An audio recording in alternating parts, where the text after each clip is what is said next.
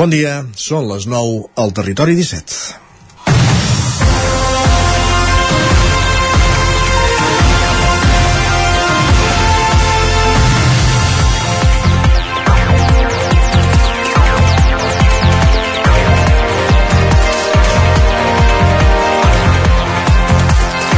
L'Ajuntament de Vic condemna en un comunicat els fets ocorreguts dissabte a la nit al barri de l'estadi de la ciutat. Dos grups de persones es van barallar amb objectes contundents i armes blanques i quatre d'ells van necessitar atenció hospitalària amb ferides en braços, esquena i cap. Hi va haver un cinquè ferit de menys consideració. L'Ajuntament s'ha afanyat de contextualitzar els fets en una afer entre dues persones de la comunitat hindú que van anar aglutinant companys fins a arribar a una batalla campal amb persones provinents d'altres comarques. Expliquen que no és la primera vegada que passa, tot i que no amb aquestes dimensions i que en el cas anterior, com volen fer ara, intentaran mediar i fer-los entendre que aquesta no és la manera de resoldre les, les coses. Sense dubte que la feina preventiva és important, mentrestant també avança la policial, ja que els Mossos d'Esquadra treballen en la investigació dels fets i ara per ara no hi ha detinguts. El que sí que ha avançat l'Ajuntament de Vic és que vol carregar als implicats els costos del dispositiu d'emergència.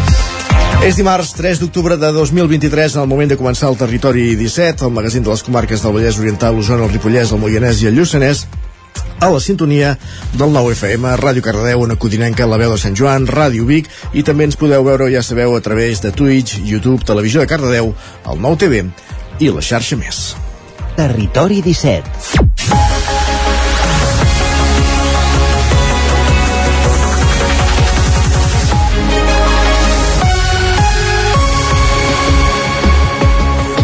Passen dos minuts de les 9 del matí al moment que arrenquem, com dèiem, el territori 17, el magazín de les comarques d'Osona, el Vallès Oriental, el Ripollès, el Lluçanès i el Moianès, que us farà companyia des d'ara fins a les 11, durant dues hores aquí a la vostra sintonia. De quina manera, amb quins continguts, us els avancem tot seguit al sumari. En aquesta primera mitja hora aprofundirem amb les notícies més destacades de les nostres comarques, les notícies del territori 17. També farem un cop d'ull al cel, amb companyia del nostre home del temps, d'en Pep Acosta, i anirem fins al quiosc perquè el nostre company, en Sergi Vives, ens faci un repàs a les portades de, del dia.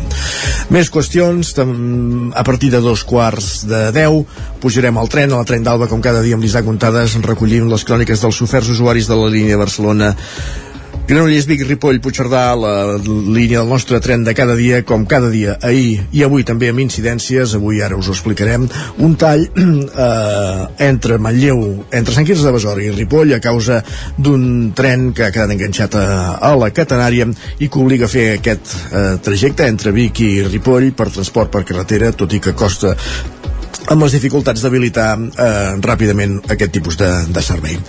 A partir de dos quarts, just després de la trenc d'Alba, el que farem serà anar cap a l'entrevista, avui des dels estudis del 9FM conversant amb Manel Alcubierre, el degà del Col·legi d'Arquitectes de Vic, amb motiu de la, de la festa anual que fa el col·legi a la demarcació de la Catalunya Central aquesta setmana i posant-nos una mica al dia de la situació del col·lectiu de, del sector dels arquitectes i de la construcció en, en general.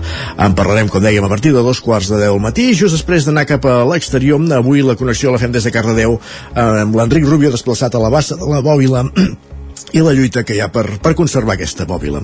Notícies de les 10, la previsió del temps i a l'espai d'economia, com cada setmana amb en Joan Carles Arredondo. Avui parlarem de les dificultats per estalviar que el Banc d'Espanya està començant a detectar. Eh, una problemàtica que veiem a l'horitzó. En parlarem avui a la secció d'economia a partir d'un quart d'onze aquí al territori 17 per acabar el programa endinsant-nos primer al món de Twitter, com cada dia amb en Guillem Sánchez, i després el podcast del racó de Pensar. Avui sobre ensenyament, docents qüestionats, així com l'ha titulat la Maria López.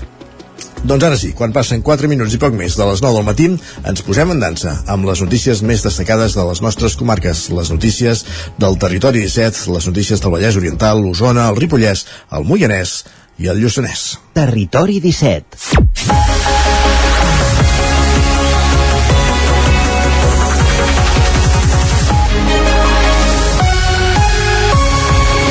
La línia R3 està tallada aquest matí entre Manlleu i Ripoll a causa d'una incidència entre Ripoll i Sant Quirze de Besora. Sergi Vives, al 9FM. Segons ha informat Adif, aquest matí el pantògraf d'un tren s'ha enganxat a la catenària, la qual cosa obliga a tallar la circulació de trens en aquest tram. Personal del gestió ferroviari està treballant en la incidència, mentre Renfe intenta oferir un servei alternatiu per carretera entre Vic i Ripoll.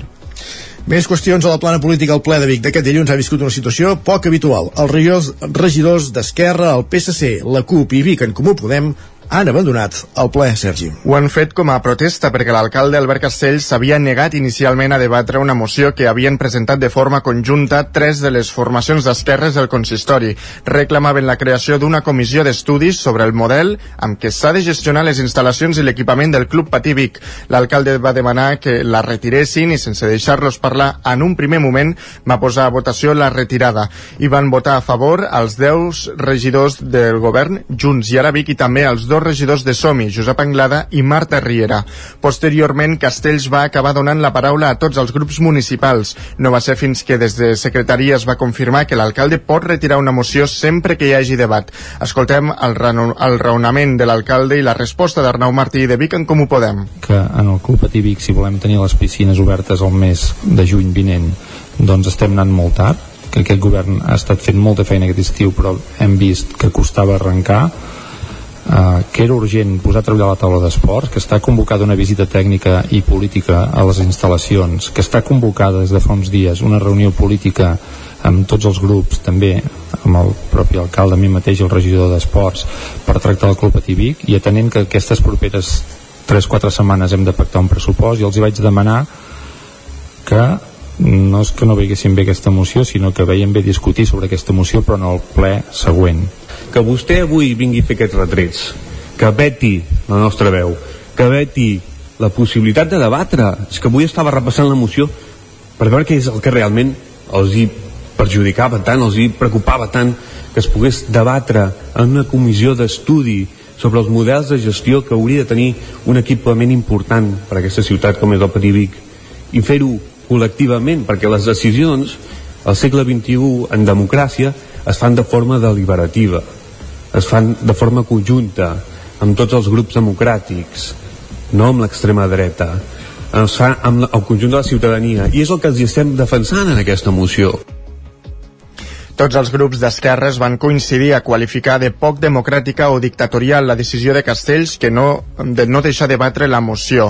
Finalment, els nous, els nous regidors d'Esquerra, el PSC, la CUP i Vic en Comú Podem es van aixecar de les seves cadires i van abandonar el ple doncs incidències que passaven ahir al ple de Vic, més qüestions eh, també s'ha posicionat sobre la baralla que ja els avançàvem ahir que hi havia hagut al cap de setmana la regidora de Seguretat de l'Ajuntament de Vic Elisabet Franquesa, Sergi. Així és, una, una baralla que va acabar amb cinc persones ferides, quatre de les quals van haver de ser traslladades a l'Hospital Universitari de Vic on van ser intervingudes quirúrgicament amb ferides de diversa consideració amb braços, esquena i cap. Els Mossos continuen investigant les causes de la baralla que s'hauria hauria originat a última hora de la nit en un domicili i hauria continuat al carrer. Fins al lloc dels fets s'hi van presentar quatre ambulàncies del sistema d'emergències mèdiques efectius a la Guàrdia Urbana i també dels Mossos d'Esquadra que van rebre el suport d'una furgoneta de l'Arro i una unitat de Manresa.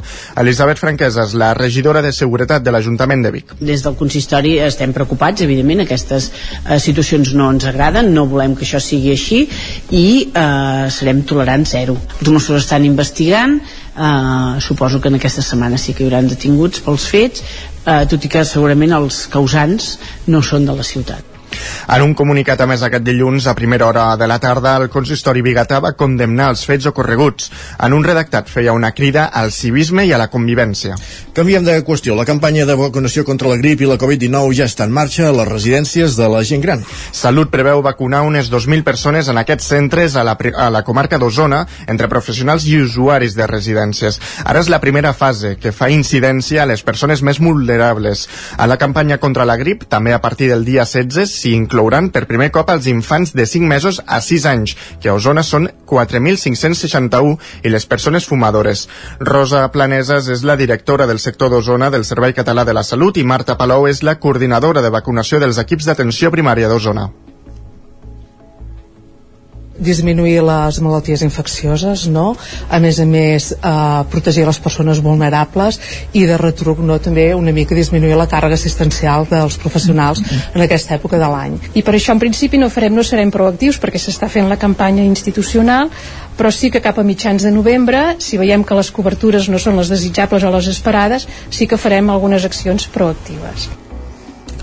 La decisió de vacunar els més petits contra la grip és una recomanació de l'Organització Mundial de la Salut. Des del departament insisteixen en la importància de vacunar-se també de la Covid-19 malgrat hi pugui haver cert cansament per part de la població. Sheila Rada, infermera, és infermera i referent de vacunes del CAP Vic Nord. Hem de protegir-nos nosaltres, però també per protegir els altres i, i animar la gent a que es vacuni. Hem viscut una pandèmia i amb unes dificultats sanitàries jo crec molt greus com perquè ens en haguem donat de, dels problemes que pot causar. Encara hi ha casos, hi ha casos greus, han disminuït molts perquè la majoria de gent ara té algun tipus d'immunitat, si bé perquè l'ha passat o bé perquè s'ha vacunat, però és important que, que continuem fent aquesta protecció, igual que ens vacunem de la grip cada any, un cop acabi la tasca, a les residències s'habilitarà un punt de vacunació poblacional al Cap Vic Nord. Serà els dimecres. Qui hagi demanat cita prèvia per l'aplicació de la, per l'aplicació de, la mes, de la meva salut o a través del CAP ho podrà fer entre dos quarts de dotze i dos quarts d'una del migdia. I qui no tingui cita prèvia de dos quarts d'una a dos quarts de dues.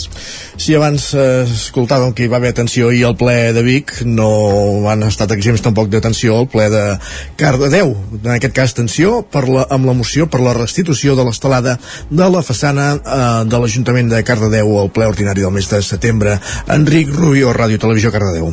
Hola, bon dia Isaac, així és.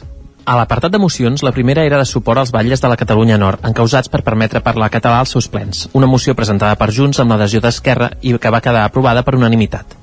La segona, proposada per la CUP, era una moció de rebuig a l'espionatge i les infiltracions policials en el moviment popular independentista amb l'adhesió d'Esquerra i Junts, i es va aprovar amb el vot en contra del Partit Socialista. La tercera, presentada per la CUP, era una moció per la restitució de l'estelada a la façana de l'Ajuntament. El grup de Junts s'abstenia tot i mostrar-se d'acord amb l'essencial de la moció, però creien que no era el moment oportú per presentar aquesta moció. És d'alguna manera ens sembla que en aquest cas concret eh, que com en totes les altres mocions hem estat d'acord perquè són sobre fets que han passat no? eh, ens sabem que en aquest cas eh, posem el carro davant dels bous. En el cas d'ERC votaven a favor, però en paraules del regidor Eudal Balcells, amb vergonya. L'estelada és un símbol, i els símbols tenen la importància que se'ls hi vulgui donar. És només un símbol. El que ens interessa és precisament allò que simbolitza la independència. No ens podem quedar encallats amb el dit que assenyala la lluna. Hem de triar bé les, les baralles que lluitem, perquè en el joc de banderes en podem sortir escaldats, com molts altres ajuntaments, i vostès ho saben perfectament. Per la seva part, gent pel canvi i el Partit Socialista votaven en contra. Els nassos s'han de ficar al Parlament, no aquí. Això és, una, bueno, és, és voler crear merder, simplement merder. Jo això és el que veig. La veritat és que un cop vaig veure la moció em, em va sorprendre i em va generar certa incredulitat. Tots i cadascun de vosaltres, en un moment o altre de, de, de la campanya electoral, del procés posterior per escollir alcalde, o fins i tot en posterioritat, m'heu preguntat sobre el meu posicionament al respecte. I tots ho sabíeu. No que l'Ajuntament eh, presenti cap símbol, part, cap símbol partista, perquè un error dels que cometeu molt greu és pensar que les institucions, l'Ajuntament és d'un posicionament més qüestions, també debat polític a Ripoll. La plaça d'octubre es continuarà dient així, tot i la proposta de canviar-li el nom de l'equip de govern ultradretada a l'Ajuntament. Isaac Muntades, la veu de Sant Joan proposta de l'Aliança Catalana de canviar-li el nom a la plaça 1 d'octubre perquè passés a denominar-se plaça 1 d'octubre no va prosperar en el darrer ple. El punt només va obtenir el suport de l'equip de govern i una abstenció del regidor independent de Somi i Ripoll, Joaquim Colomer, mentre que Junts, Esquerra, el PSC i la CUP van votar-hi en contra. L'alcaldessa Sílvia Oriols va defensar que la forma que proposava el seu grup era la correcta, ja que en català, que és una llengua romànica, es fa servir l'ordinal per referir-se al primer dia de mes. A més, va afegir que la gent que deia 1 d'octubre ho feia per contaminació lingüística del castellà, tal com especifica Gabriel Bibiloni, llicenciat en Filologia Catalana per la Universitat de Barcelona. Oriols, que ja havia presentat aquesta moció quan estava a l'oposició sense aconseguir cap resultat, va carregar contra els diversos partits del consistori. Però no esperàvem ni d'Esquerra Republicana ni de Junts que valessin la castellanització de la nostra llengua i que, per tant, votessin en contra de la forma genuïna i autèntica per designar el primer dia de mes. Em sembla que amb aquesta simple dada, UDA no apareix en documents fins al 1964, mentre que primer de apareix des del 1400 460 fins a dia d'avui perquè s'ha mantingut en moltes zones i contrades per tant em sembla simplement inacceptable no? que vagin en contra de la llengua catalana També va argumentar que els catalans havien après a dir entrepà i buster i no bocadillo i bussón, que era el que s'havia dit tota la vida. La regidora del PSC, Ana Belén Avilés, que és filòloga, va argumentar que tot i que tenia part de raó, la llengua és viva i que popularment aquesta data es coneix així. L'Optimot, que és l'eina que entre tots ens hem dotat des del Departament de Cultura i el Consorci per la Normalització Lingüística des de fa més de 15 anys com a referent lingüístic per a resoldre els dubtes del català, defensa que la forma actualment per referir-se a les dates és amb el cardinal 1 i no amb l'ordinal primer. La cap de llista d'Esquerra, Chantal Pérez, també es va agafar la forma més utilitzada en l'àmbit popular, com Junts i la CUP, però va afegir-hi que per casos com aquest hi ha la comissió del nomenclàtor. Va ser, segons els propis antecedents, la comissió de nomenclàtor de Ripoll qui va decidir ficar aquest nom. I llavors va ser sotmès a exposició pública i finalment va ser aprovat. Tinguent com tenim una comissió de nomenclàtor, uns experts en aquest sentit, hem de ser nosaltres qui ara unilateralment ho canviem i sense sotmetre-ho a informació pública? Pérez sí que va demanar que s'apostés per catalanitzar el nom del carrer Pedro Pablo Rubens i encara relacionat amb l'1 d'octubre coincidint amb, el, coincidint amb el 6 aniversari d'aquesta data que va ser diumenge diferents pobles i ciutats de tot el país van commemorar la celebració del referèndum. A Ceba durant tot el matí s'hi va desplegar s'hi va fer una jornada reivindicativa. Un acte que va servir per recordar tot el que es va viure al poble durant el referèndum. Alba Orra, regidora de Cultura explicava que un dels moments més emotius es va viure la nit abans quan una bona representació de veïns i veïnes van anar a dormir a l'escola on unes hores després hi arrencaria la votació. Avui doncs, eh, aquest acte és per commemorar no, l'1 d'octubre de fa 6 anys eh, en què tots vam votar eh, i en aquest poble en concret doncs, estàvem a les escoles, va ser un, un dia en què es van fer diferents activitats i bueno, al final doncs, eh, és per reivindicar tot el que va passar després. Una sensació que diu va canviar només unes hores més tard. Bueno, primer amb molts nervis, no?, i moltes ganes de, de, i emoció de votar, no?, i era com una mica un secretisme, no?, no teníem les urnes, van arribar les urnes a les 5 del matí i vam passar tota la nit a l'escola, no?, amb moltes ganes de votar i després pues, amb molta ràbia i molta pena de, de tot el que veiem a la televisió, no?, que aquí en el poble no vam, veu, no vam viure, però que després vam veure a la televisió i bueno, molta ràbia i molta pena. La jornada va començar amb un concert vermut a càrrec del grup local FUA. Va, va continuar amb la lectura del manifest i amb una versió del Paraulògic. Es presenta la quarta edició de l'Oncodines Trail amb un ambiciós objectiu, arribar a 200 equips inscrits a la prova i recaptar 200.000 euros per destinar-los a la investigació contra el càncer. Roger Rams, Ona Codinenca. Exacte, com cada any les tres fundacions beneficiàries de l'Oncodines Trail seran d'una banda la Fundació Oncovallès, que rebrà el 70% dels diners recaptats, la Fundació d'Oncologia Infantil Enriqueta Vilavecchia, que rebrà el 15%, i el BB aquí de l'Institut Goodman de Barcelona, que n'obtindrà el 15% restant. El director de la prova, Lluís Vilalta, es mostra orgullós d'haver omplert aquest divendres la sala Tarafa en la presentació, per cert, en una presentació que per primer any ha sortit de Sant Feliu de Codines. Apunta que el fet de mobilitzar la gent pot ser un bon presagi de cara al els objectius que s'han marcat. Estem molt contents. No sabíem si seríem capaços d'omplir la sala Tarafa i la vam omplir i no és fàcil fer una presentació lluny d'on te la fèiem sempre, que és a Sant Feliu, i vam pensar que, que potser no sabríem eh, mobilitzar la gent, però molt bé, molt bé, va venir molta gent. La principal cosa que vam dir és que l'objectiu que tenim és l'objectiu 200, i aquest és un objectiu molt, molt ambiciós, que seria tenir 200 equips i recaptar 200.000 euros. Aquest és un objectiu molt, molt, molt ambiciós, però que ens l'hem proposat i que, que comencem amb força i amb ganes. Pel que fa a les novetats respecte als recorreguts, Vilalta ha apuntat que enguany n'hi haurà tres en lloc dels dos habituals i que la muntanya tindrà un molt més protagonisme que no pas en les anteriors edicions. Aquest ha estat un canvi sorgit de les enquestes que es fan als participants al finalitzar l'Oncodines, que en aquest cas han apostat clarament per tenir menys trams urbans i més per espais naturals. Hem sumat ja tres anys de que la gent ens reclamava més muntanya i per fi hem dit que havíem de fer un canvi. Fem tres recorreguts, tots tres seran muntanyencs, Eh, el que passa que també ens han reclamat que un fos més curt i, i per això fem un recorregut de 40, un de 60 i un de 80.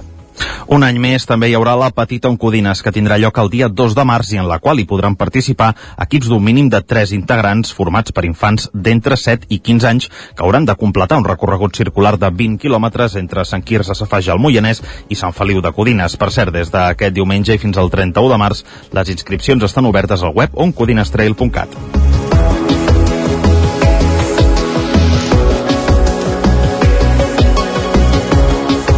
Gràcies, Roger. Acabem aquí aquest repàs informatiu que començàvem al punt de les 9 en companyia de Roger Rams, Isaac Muntades, Sergi Vives i Enric Rubio. Un moment al territori 17 de saludar també el nostre del temps, en Pep Acosta. Per tant, anem fins a una codinenca.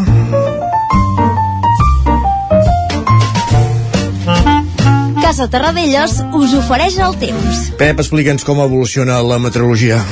Bon dia. Hola, molt bon dia va avançar la setmana, va avançar el mes d'octubre i no hi ha canvis. Eh, fa molts dies que dic això, eh, tenim aquest enorme anticicló eh, situat a Europa, gairebé tota Europa, dominat per aquest enorme anticicló, aquesta situació d'estancament, de tranquil·litat, eh, més típica de ple hivern o de ple estiu, ara en aquestes dates hi hauria d'haver molt moviment meteorològic, molts fronts, moltes perturbacions, i ens trobem amb això, eh, amb aquest enorme anticicló que ho està tallant tot, eh, que no hi ha cap perturbació gairebé a tota Europa i que ens aporta això un temps massa tranquil, eh, un temps amb molt poques novetats.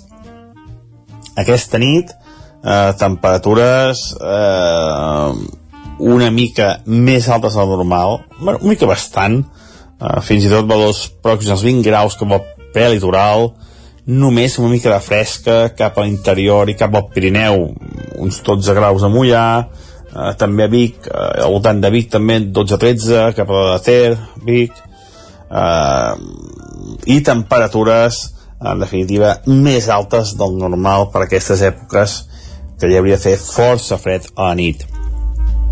Avui un dia igual que d'ahir, eh, ahir encara matí va haver uns núvols, avui hi ha molts menys núvols, sol novament, temperatures eh, molt semblants a les d'ahir, la majoria màximes entre els 25, 26, 27 graus. Uh, no tindrem valors, uh, crec, pròxims, pròxims als 30 graus, com a cap de setmana però bueno, migdia encara serà força càlid i serà encara de màniga curta. No, no hi ha manera de que hi hagi canvis.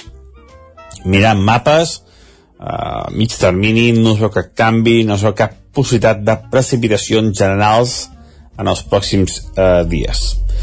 I això és tot. Anirem explicant aquest temps, anem explicant aquest anticicló i aviam si mica en mica es veu una senyal de canvi a l'horitzó. Moltes gràcies, adeu Gràcies, Pep. Parlem d'aquí una estoneta. Fins ara mateix.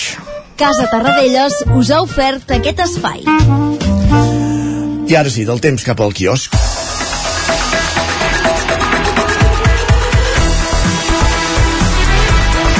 Perquè és moment, Sergi Vives, de repassar quines són les portades dels diaris del dia. Per on comencem?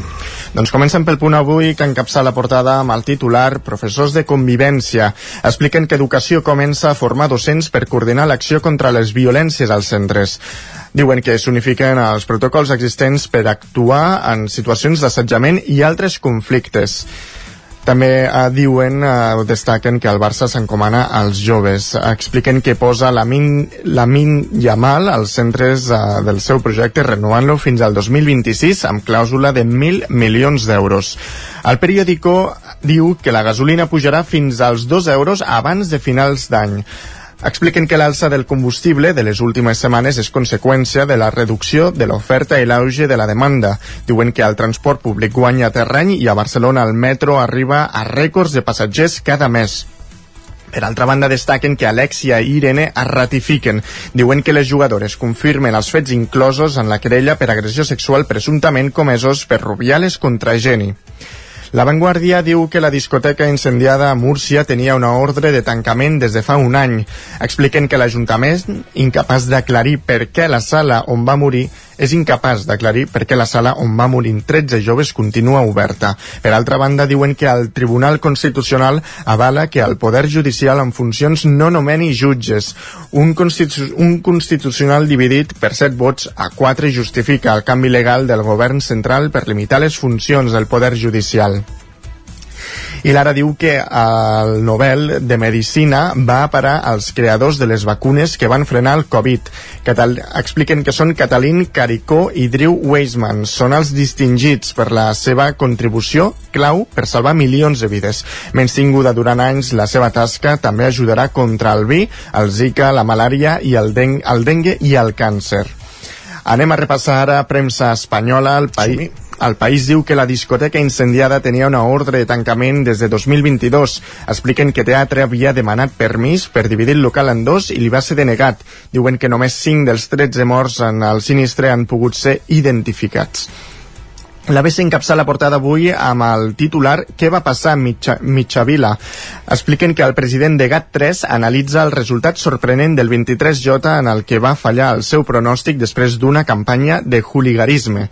Diuen que, diu que va cometre un error que no és assumible que, però el trumpisme a l'espanyola diu no ens farà callar. Carai.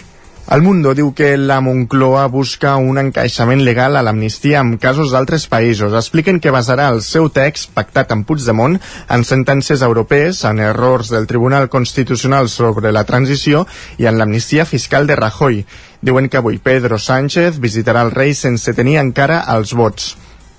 Per altra banda, eh, i la Razón, acabem ara amb la Razón, diu que el Tribunal Constitucional avala la tisorada a les funcions del poder judicial. Expliquen que la majoria d'esquerres imposa mantenir la paralització de nom dels nomenaments.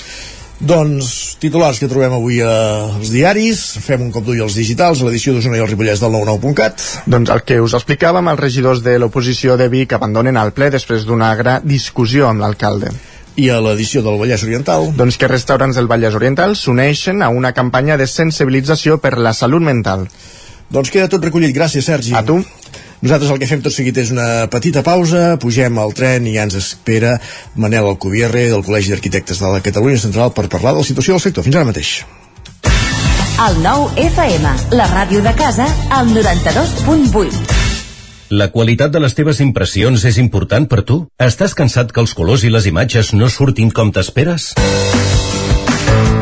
A Impremta Mater disposem de la tecnologia més avançada i els millors professionals per aconseguir impressions d'alta qualitat. Fem tota classe d'impresos amb acabats professionals. Llibres, catàlegs, revistes, tesis, calendaris, enquadernacions... I a més, disposem del servei d'impressió digital en gran format, roll-ups, lones, pòsters i molt més. Impremta Mater. Ens trobaràs a la carretera de Sant Hipòlit 23 de Vic o impremtamater.com. Amb Pradell estalvio energia i cuido la meva butxaca i el medi ambient. Posa't en mans a Pradell, són experts en calderes de gas i condensació, estufes de pèl·let, energia solar, terres radiants i geotèrmia. Pradell instal·la calderes de biomassa per a particulars i per a empreses. Si vols estalviar un 50% en consum, contacta amb Pradell i passa't a les energies renovables. Pradell, som a l'Avinguda Països Catalans 27 de Vic. Telèfon 93 885 1197. Pradell.cat. 25 anys de la Festa del Bolet de Ceba. Diumenge 8 d'octubre vine a la 25a Festa del Bolet de Ceba. Sortides guiades, tallers, xerrades, tastet de bolets, espectacles, doma clàssica, gegants, zona de jocs infantils, concurs de bolets, ballada de swing i molt més. Diumenge 8 d'octubre t'esperem a la 25a Festa del Bolet de Ceba. Més informació a ceba.cat.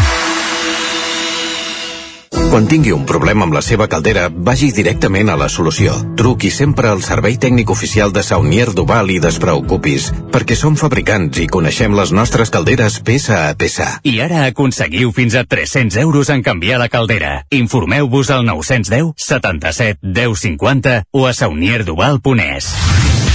El 9FM, el 9FM, el 9FM, el 9FM.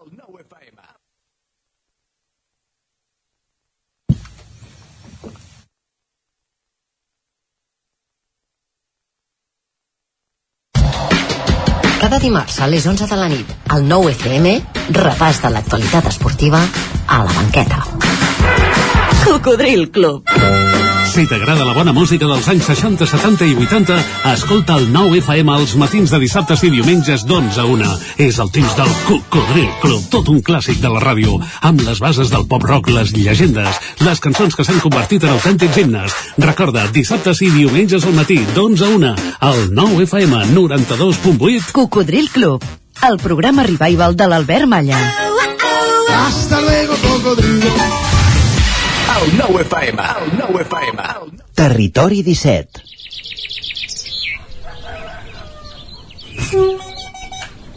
A Tren d'Alba. Cada dia els usuaris i usuàries de la línia R3 de Rodalies que veuen sortir el sol des d'un vagó ens expliquen les gràcies i les penes del primer comboi que uneix Ripoll i Barcelona o les feixugues jornades amb el tren després de treballar. Benvinguts a Tren d'Alba. Doncs bé, ja podem dir que hi ha una nova versió de l'aplicació de Rodalies. S'hi han introduït millores d'usabilitat i accessibilitat i s'han modificat algunes funcionalitats. Per exemple, s'ha redissenyat la pantalla d'avisos per donar més rellevància en una nova interfície més intuïtiva. També t'enllaça amb l'aplicació Mouta per saber com arribar en transport públic a l'estació o bé com continuar cap a la teva destinació final. També es poden cercar i planificar trajectes directament a la pantalla principal. S'ha afegit un filtre per cercar per hora de sortida o d'arribada i també es poden veure a la pantalla principal els pròxims trens dels trajectes que facis i les teves estacions preferides. Per continuar accedint a la informació de Rodalies a través de l'aplicació caldrà descarregar la nova versió abans del 21 d'octubre, ja que a partir d'aquesta data les versions anteriors deixaran de funcionar. Esperem que funcionin i que avisin amb tot detall de qualsevol retard i incidència que es produeixi a la línia. Va, ens retrobem demà amb més històries del tren i de l'R3. Esperem que funcioni. El que no funciona avui, ja ho hem dit abans, és el tren entre Vic i Ripoll. Aquesta aquesta incidència a la línia, la catenària, entre Sant Quirze i Ripoll. Un tren, un gol pantàgraf, un tren ha quedat enganxat a la catenària i obliga a tallar la via i Renfe intenta habilitar servei alternatiu per, per carretera. Ara sí, anem cap a l'entrevista. Territori 17. Passen dos minuts a dos quarts de deu del matí.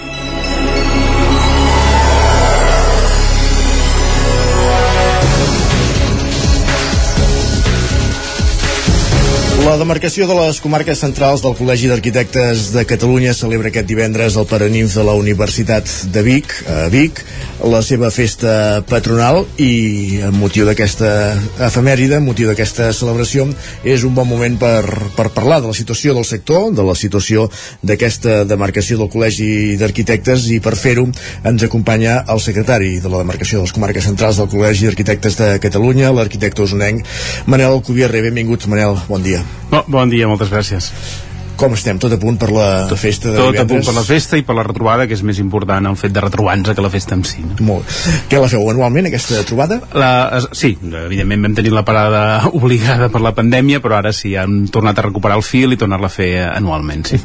Veiem això, eh, que el, la demarcació d'aquest territori, de les comarques centrals, aplega 450 arquitectes. Us trobeu tots en aquesta trobada com... Bueno, sempre costa motivar la gent, sempre costa, però bueno, estem ja per sobre el centenar, la qual cosa ja és un èxit tenint en compte que aviam, intentem fer-la alternativa o sigui, amb diferents, la, la, la demarcació és gran o sigui, és, és, és Osona, Bages, Berguedà la Noia, eh, Moianès i ara el Lluçanès i hem, mire, mirem d'anar-la alternant perquè així facilitar una mica l'accés. L'any passat la vam fer a Sant Fruitós, aquest any la fem, la fem aquí a Vic i bueno, sí, ja et dic, passem del centenar. Um, recordo anys enrere ara uh, m'alegràs els ossos perquè t'enganxaré en fals però que quan es feien aquest tipus de trobades també es feia una exposició amb els projectes arquitectònics de, de la demarcació de, dels últims mesos. Això es continua fent? O... Sí i no. Est... no, no és que m'hagués en fals sinó que estàs barrejant una mica conceptes. Però bueno, cap, cap problema cap problema. Sí que nosaltres el que fem eh, abans es feia de forma més assídua eh, que són, són el tema de les es feien bianuals que eren el, la, les bienals d'arquitectura diguéssim dels, de, dels allò. Ara passat a fer-ho cada 5 anys es va fer eh, si no em falla la memòria fa dos anys vale? Mm. la cosa que, que devia ser el 20 eh, tocarà el 25 més o menys vale? llavors sí que es va fent això però és un tema independent diguéssim de, de la trobada de la trobada, de la trobada anual molt bé, doncs primer de tot parlem una mica de la situació del col·legi, ara ens dèieu això que, que és aquesta demarcació de les comarques centrals del Col·legi d'Arquitectes de Catalunya que aglutina els arquitectes d'aquestes comarques que, que esmentàveu i una mica quina és l'activitat d'aquest col·legi? Aviam, uh, el, el, aquí es barregen, es barregen bàsicament dues coses quan parlem del Col·legi d'Arquitectures. Una l'obligatòria, per dir-la, i l'altra i l'altra la, la, la voluntària, la cultural, la formativa, la, tot, tot, tot, tot, tot diguéssim, l'essència pròpiament del col·legi vulguis que no hi ha arquitectes que estan al col·legi perquè és obligatori, perquè han d'avisar els projectes, no? Però precisament això és un tema que no, no està clar que, sigui, que, sigui, que sempre sigui així, la qual cosa el col·legi el que està intentant és donar uns serveis, donar un assessorament, donar un suport en, aquest, en els col·legiats i llavors també doncs, un, un recolzament a la cultura, un recolzament a la formació, etc etc etc. Vale? Per, per, per, anar més enllà de lo pròpiament obligatori, que és, que és el, el fet d'avisar d'allò que és validar, diguéssim, els, els projectes.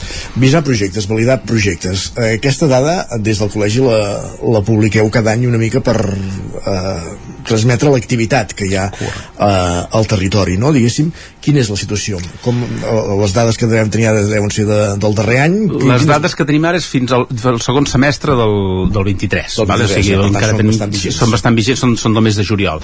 Eh, podríem avançar alguna més del, del segon semestre, però bàsicament és del, del, primer, del primer semestre. Primer semestre del 23, diguéssim que estàvem més o menys a, a, a l'alçada del, del, del, del 21, Aviam que t'ho digui bé, eh? que, no, que no em li, perquè les dades és allò que les tens molt clares al moment. Eh, el, el, estem més o menys estem més o menys el que estàvem el 21 el 21 va ser l'any després de la pandèmia el, evidentment el 20 va baixar, va baixar una mica tot el, 20, el, el, el, el 21 va quedar aquell, aquell, aquell, aquella recuperació Vale? i el 22 va ser un, un, un, un, un va sortir una mica tot de cop ara en aquest 23 estem recuperant els nivells del 22 que sí que estan si tu vols una mica per sota del 22 però, però estem diguéssim a, a, a, a, jo crec que en un, en un, en un moment bo vale? Considerant que la situació que es presenta tampoc és del tot del tot optimista, en el sentit de que els preus després de la pandèmia van pujar d'una forma molt exagerada i ara doncs, només ha faltat que els tipus d'interessos doncs, estiguin pels núvols, la qual cosa sí que es preveu una frenada però de moment encara anem, anem aguantant. Uh, et deia això del segon semestre perquè les dades precisament de setembre i tal es repunten que hi ha una certa recuperació d'aquest primer semestre que potser no va ser tan positiu. A dir, clar, l'arquitecte entenem que va per davant perquè és qui, qui comença tot el projecte, qui, qui, qui redacta el projecte del que serà una obra i per tant suposo que eh, tot aquest efecte que puguin tenir els tipus d'interès que pugui haver-hi gent que el faci enrere a l'hora de demanar una hipoteca eh, vosaltres us arriba més tard això diguéssim, no? diguéssim, vosaltres el que es, comenceu a treballar és amb el que algú ja havia... Sí, el, el tema està que en aquest moment el, eh, o sigui, eh, eh, això afecta sobretot als, als projectes grans de grans promocions, vale? que aquest, en aquest moment el promotor està una mica a l'expectativa de veure una mica què passarà vale? de moment encara es ven tot vale? però hi ha l'expectativa aquesta del que passarà una altra cosa és el petit la parella que es fa una casa, tot plegat, que aquests sí que molt, aquests sí, molts han quedat frenats per això, perquè al moment que tenien una previsió amb la pujada de preus i amb els interessos com estan, Eh, ho han de posposar. I el promotor aquest està una mica a l'expectativa a veure una mica si realment s'acaben frenant la pujada d'interessos o no s'acaba frenant que sembla que es parla que es frena però no s'acaba frenant.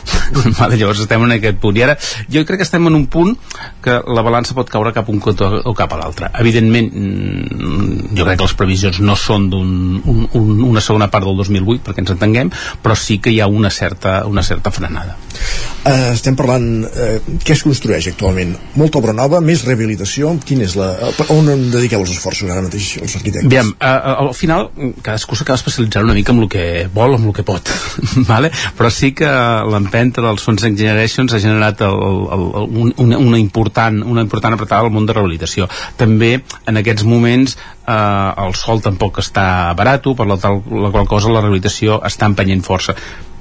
Com a comarques centrals precisament el que ens ha salvat més el, aquest 23 precisament és això, que a nivell de rehabilitació no ha passat com l'obra nova que, que ens ha baixat sinó que ens hem mantingut, inclús hem, hem pujat i amb el tema del fons Next Generations estem inclús per sobre de, de, de Barcelona. Mm -hmm.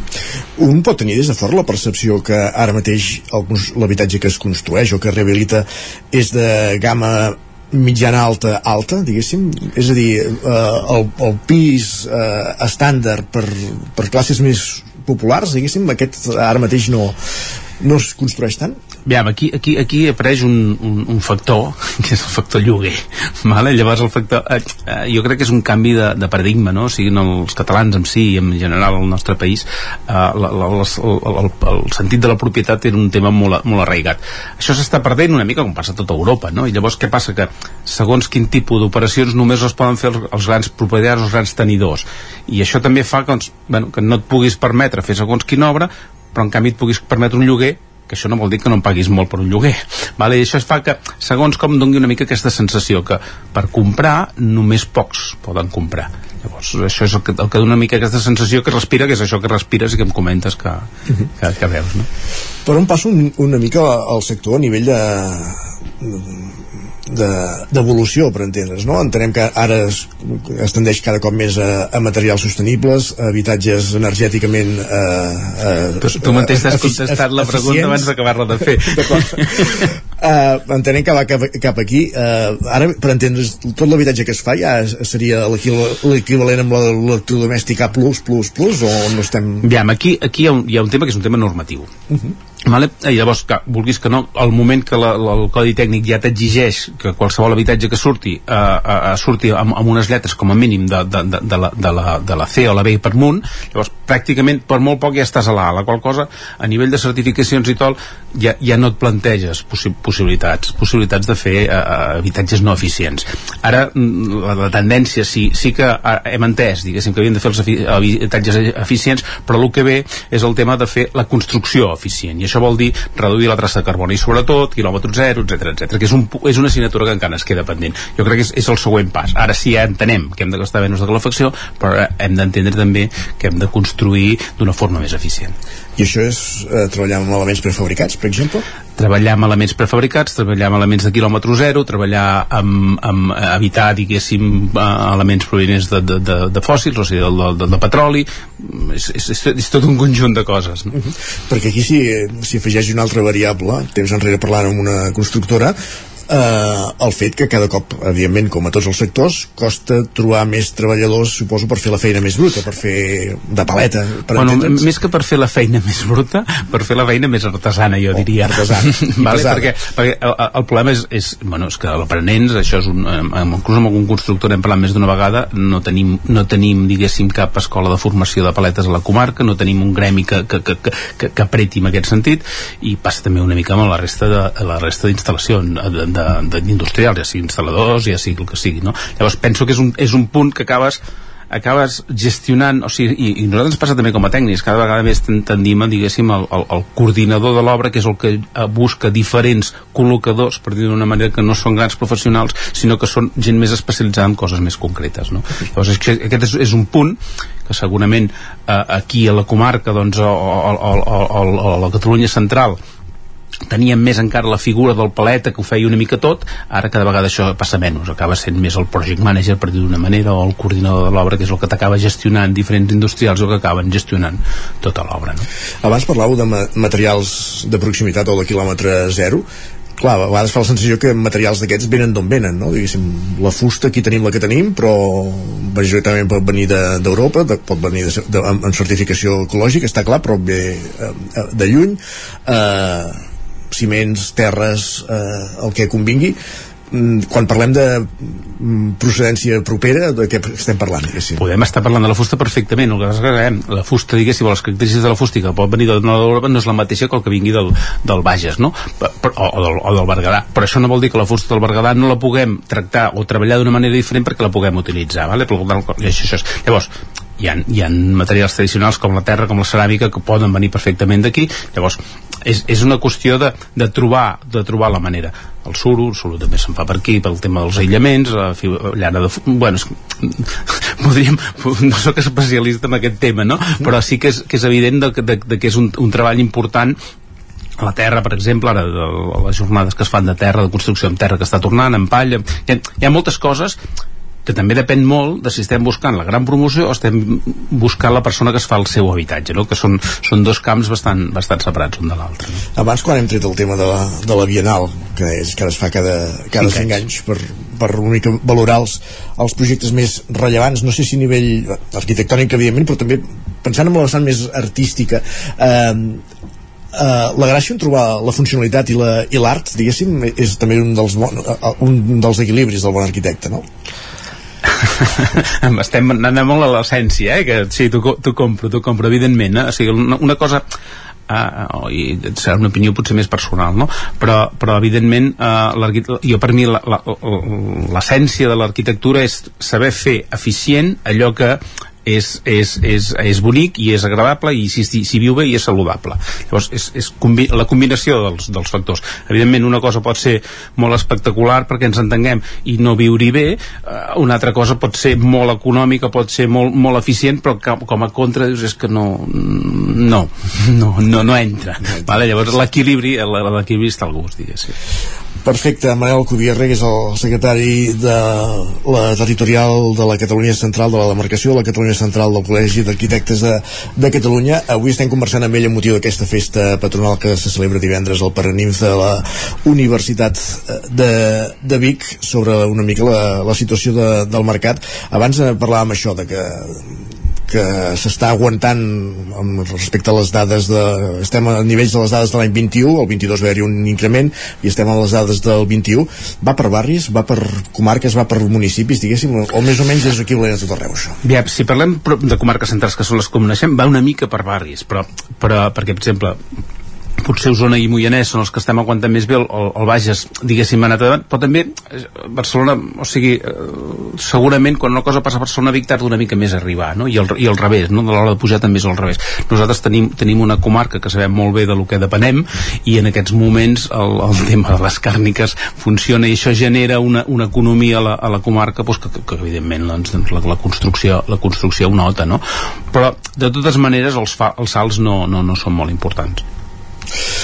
Manel Cubierre, doncs moltíssimes gràcies per acompanyar-nos. Sí, si m'ho permet, eh? Tant, sí, sí. ja que em convidaves per parlar de la festa, doncs no, sí, sí. ja volia agrair, diguéssim, una mica a totes les persones que hi participen, la Universitat de Vic, l'Ajuntament de Vic, i el fet de poder estrenar, estrenar per nosaltres, eh? ja sabem que no s'estrena, però el fet de que la Universitat de Vic tingui un paranif i que s'hagi rehabilitat com s'ha rehabilitat i tot plegat, pensem que és molt important i això és el que ens ha fet, diguéssim, venir en, en aquesta instal·lació.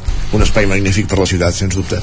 Moltíssimes gràcies i que vagi molt bé aquesta festa i anirem parlant d'edificis de, visats i de l'evolució del sector en properes ocasions. Moltes gràcies a vosaltres. Bon dia.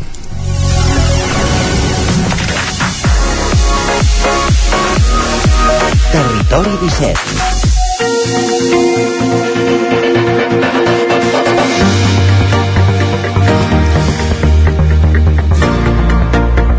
minut i mig que passen de 3 quarts de 10 del matí, moment com fem cada matí al territori 17 de sortir a l'exterior, ens anem fins a ens n'anem fins a Cardedeu, allà ens hi esperen un matí més eh, l'Enric Rubio, avui a la bassa de la Bòbila, on sembla que hi ha certa problemàtica. Enric, bon dia, benvingut. Hola, bon dia Isaac, què tal, com estem? Bé, i tu? Molt bé, mira, doncs eh, sobretot va haver problemàtica. Mira, comencem pel principi. Ens trobem amb la, amb la, amb la Caral Eres, membre del moviment Salvem la Bassa, i volíem estar precisament a la bassa de la Bòbila, però no tenim prou cobertura, així que ens hem anat a un dels punts on s'extreia terra per tapar-la. Potser el nom us sonarà de fa uns mesos quan el març es va començar a veure pancartes amb l'eslògan Salvem la Bassa arreu de la comarca. Aquest mes i els que els van succeir va ser uns mesos de lluita per integrar l'indret on, on estem ara, que no està pes de terra i runa. La Bassa és un petit gran oasi de biodiversitat humit que plega des d'ocells migratoris a amfibis a altres animals en un moment en què estem vivint una sequera extrema arreu del país. Inclús en el context actual on els embassaments de Catalunya estan sota mínims històrics i s'estan invertint quantitats ingents de diners per intentar pal·liar la sequera, el nivell de la bassa de la bòbila de Llinars no ha disminuït, cosa que fa que sigui una petita esperança pels ecosistemes de la zona, tant ara com en l'emergència climàtica que estem vivint actualment i que malauradament no millorarà els anys que venen. Uh, per això tenim aquí la Caral. Hola Caral, benvinguda. Moltes gràcies per estar aquí amb Ràdio Televisió Cardeu en directe pel programa Territori 17. Bon dia, Enric. Uh, anem a veure, les persones del Vallès Oriental saben bé segurament el que els estem referint amb aquesta petita presentació de la bassa, però és possible que les nostres oients d'Osona, el Ripollès, Moianès i el Lluçanès els hi caigui força més lluny i desconegut. Com ens podries presentar la bassa i què és la bassa de la Bòbila de Llinars? Bé, bon dia. Eh, la bassa és, és un espai humit de la zona del Baix Montseny que al final prové d'una explotació minera que hi havia aquí a Llenes del Vallès. Uh, aquesta explotació minera es dedicava a l'extracció d'argila i és en el moment en què no es pot extreure més recursos materials en el qual eh, és necessari com bombejar una aigua en tant que es toca un nivell freàtic eh, quan l'empresa fa fallides doncs quan el nivell de l'aigua comença a pujar i, i bé, ens queda aquesta magnífica zona humida que el 2019 eh, comença doncs, a mostrar encara més eh, formes de, de vida i biodiversitat a l'espai en tant que, que amb la Covid-19 no? i la, la deixada de com haver-hi tanta presència humana i activitat com més destructiva a l'espai doncs aquesta augmenta eh, és en aquest punt que, que on comencen a haver-hi descàrregues i, i l'abast es comença a cobrir i llavors comença a partir com aquest tipus d'agressions que el moviment de, popular de la zona decideix actuar. Exacte, mira, i això precisament anàvem, Caral, eh, el moviment Salvem la Bassa s'ha convertit en un referent de, de les lluites ecologistes, m'atreviria a dir, a, arreu del país durant aquest 2023, tant pels resultats aconseguits com per la diversitat de la gent que ha plegat. Com va sorgir eh, i qui l'ha composat, aquesta lluita?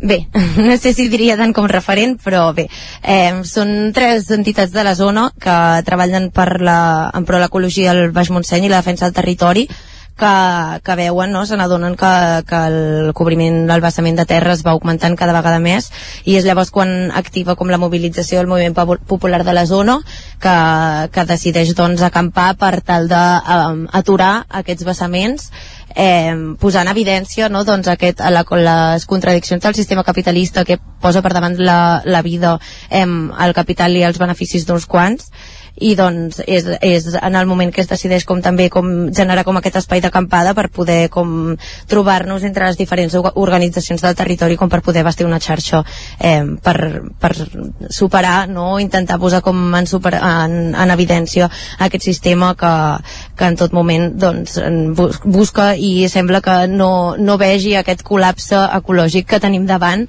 eh, i si més no se'n tapa els ulls per, per continuar doncs, això, traient capital.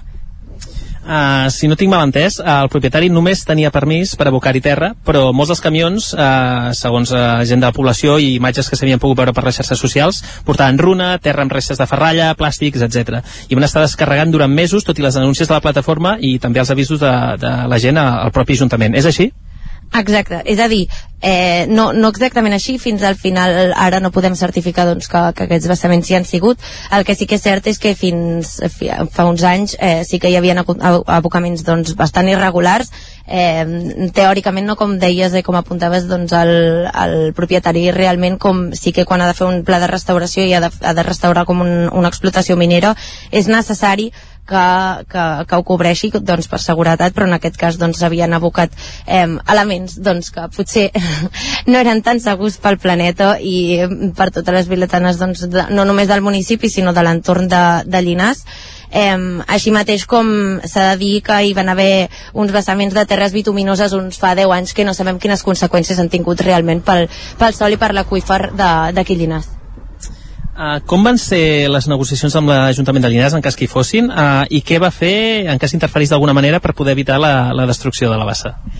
Doncs bé, el paper de l'Ajuntament de Llinars certament mm, bueno, sí, va interferir en tant que tampoc va adoptar una posició clara ni va recolzar com com el que estava passant i va com voler defensar aquest espai sí que és cert que van aprovar com una moció de censura ai, una moció, perdó, de, en, referent a l'espai eh, abans de, de fer l'ocupació però certament va ser paper mullat és a dir, no, no, no va resultar com cap acció política amb, amb cap mena de resultat i és en el moment que la ciutadania es mobilitza eh, i posa com les cartes sobre la taula que és l'Ajuntament que comença doncs, a, sembla que fer trobades amb la Generalitat i així però mantenint-nos bastant al marge i, i apartant-nos bastant una mica de com, de com estava l'estat de la qüestió i realment tampoc no no, no se'ls veia una voluntat com clara de, de voler com realment salvar l'espai i conservar com la vida de, de la zona.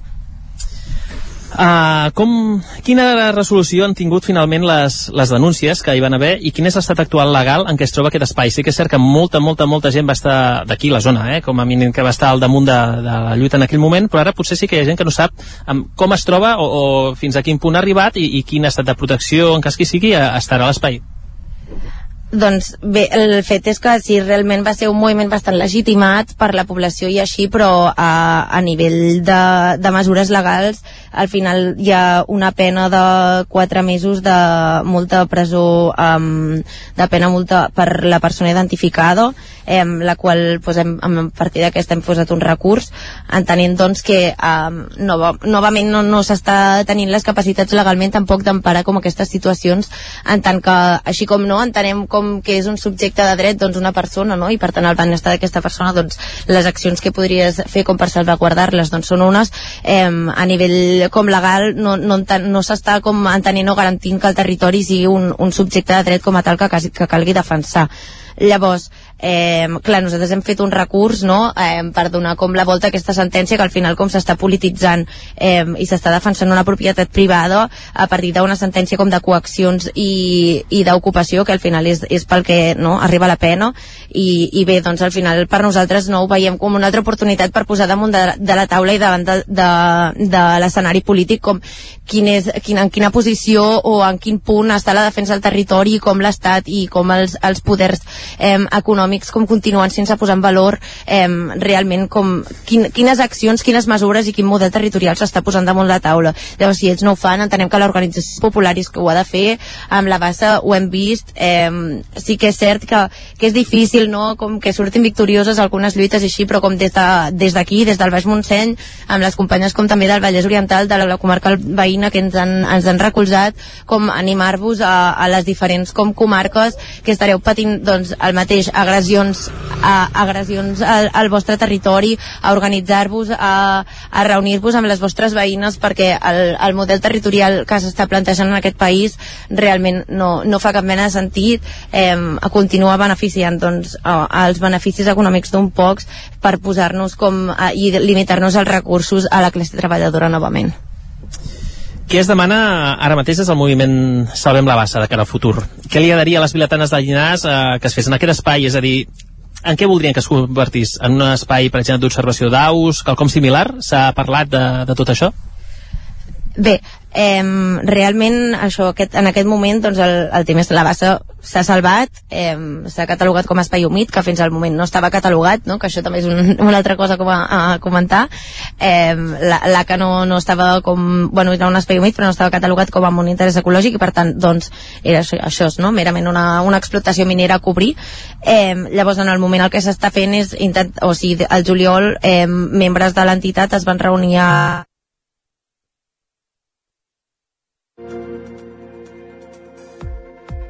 a, a la Generalitat per tal de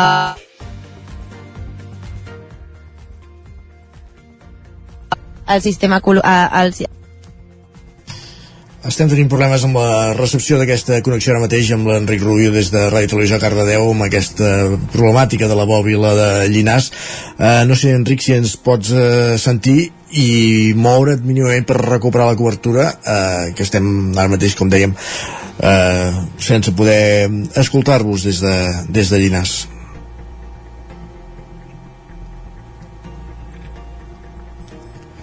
Sembla que tenim problemes per recuperar aquesta connexió. Eh, ja estava a les acaballes. De fet ha quedat claríssima la, la problemàtica eh, que hi ha hagut en aquest espai natural de Llinàs en aquesta bòbila. Ho explicava eh, ens explicava l'Enric Rubio des de Ràdio Televisió Cardedeu. I el que farem serà tot seguit doncs, arribar al punt de les 10 com ens agrada fer sovint amb, amb música. I, i així arribem a l'equador del, del programa. Avui, tot seguit al Territori 17, el que escoltarem serà la música del cantautor del Lluçanès eh, Ferran Orriols, el que va ser el cantant de, de Nyandú, que ha publicat el seu primer disc en solitari i que tot seguit, del qual tot seguint escoltarem una de les seves cançons per arribar fins al punt de les 10 aquí al Territori 17. Com dèiem, la música de Ferran Orriols, fins a les 10, soc.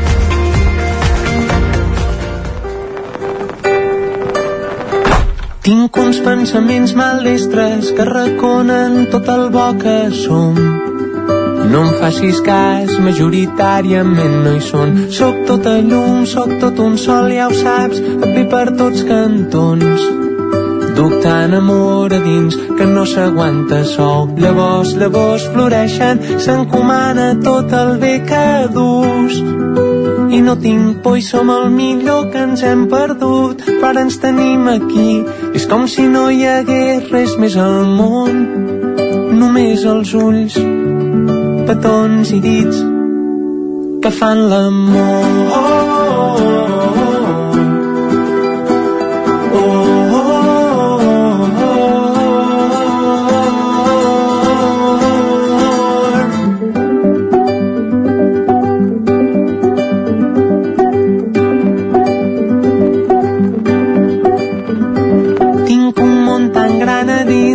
No em cap a fora i l'escupo amb cançons fregant de mans i plors d'alegria, tonteries que m'arriben soles, que no entén quasi ningú, que entrellacen l'entremat de la meva història per arribar al punt exacte on sóc ara, on et trobo a tu.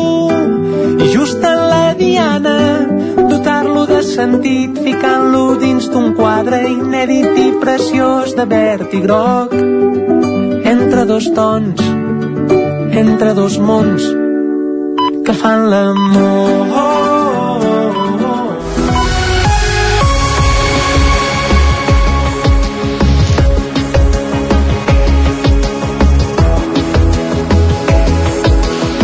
moment al territori 17 de posar-nos al dia d'actualitzar-nos amb les notícies més destacades de les nostres comarques i ho fem en connexió amb les diferents emissores que dia a dia fan possible aquest programa, Ràdio Cardeu, Ona Codinenca, la veu de Sant Joan, Ràdio Vic, el 9 FM, i ens podeu veure també a través de Twitch, YouTube, el 9 TV, de la visió de Cardedeu i la xarxa més. El Territori 17, el magazín de les comarques del Vallès Oriental, Osona, el Ripollès, el Moianès i el Lluçanès, que us explica aquesta hora que el ple de Vic d'aquest dilluns ha viscut una situació molt poc habitual. Els regidors d'Esquerra, el PSC, la CUP i Vic en Comú Podem van abandonar el ple, Sergi.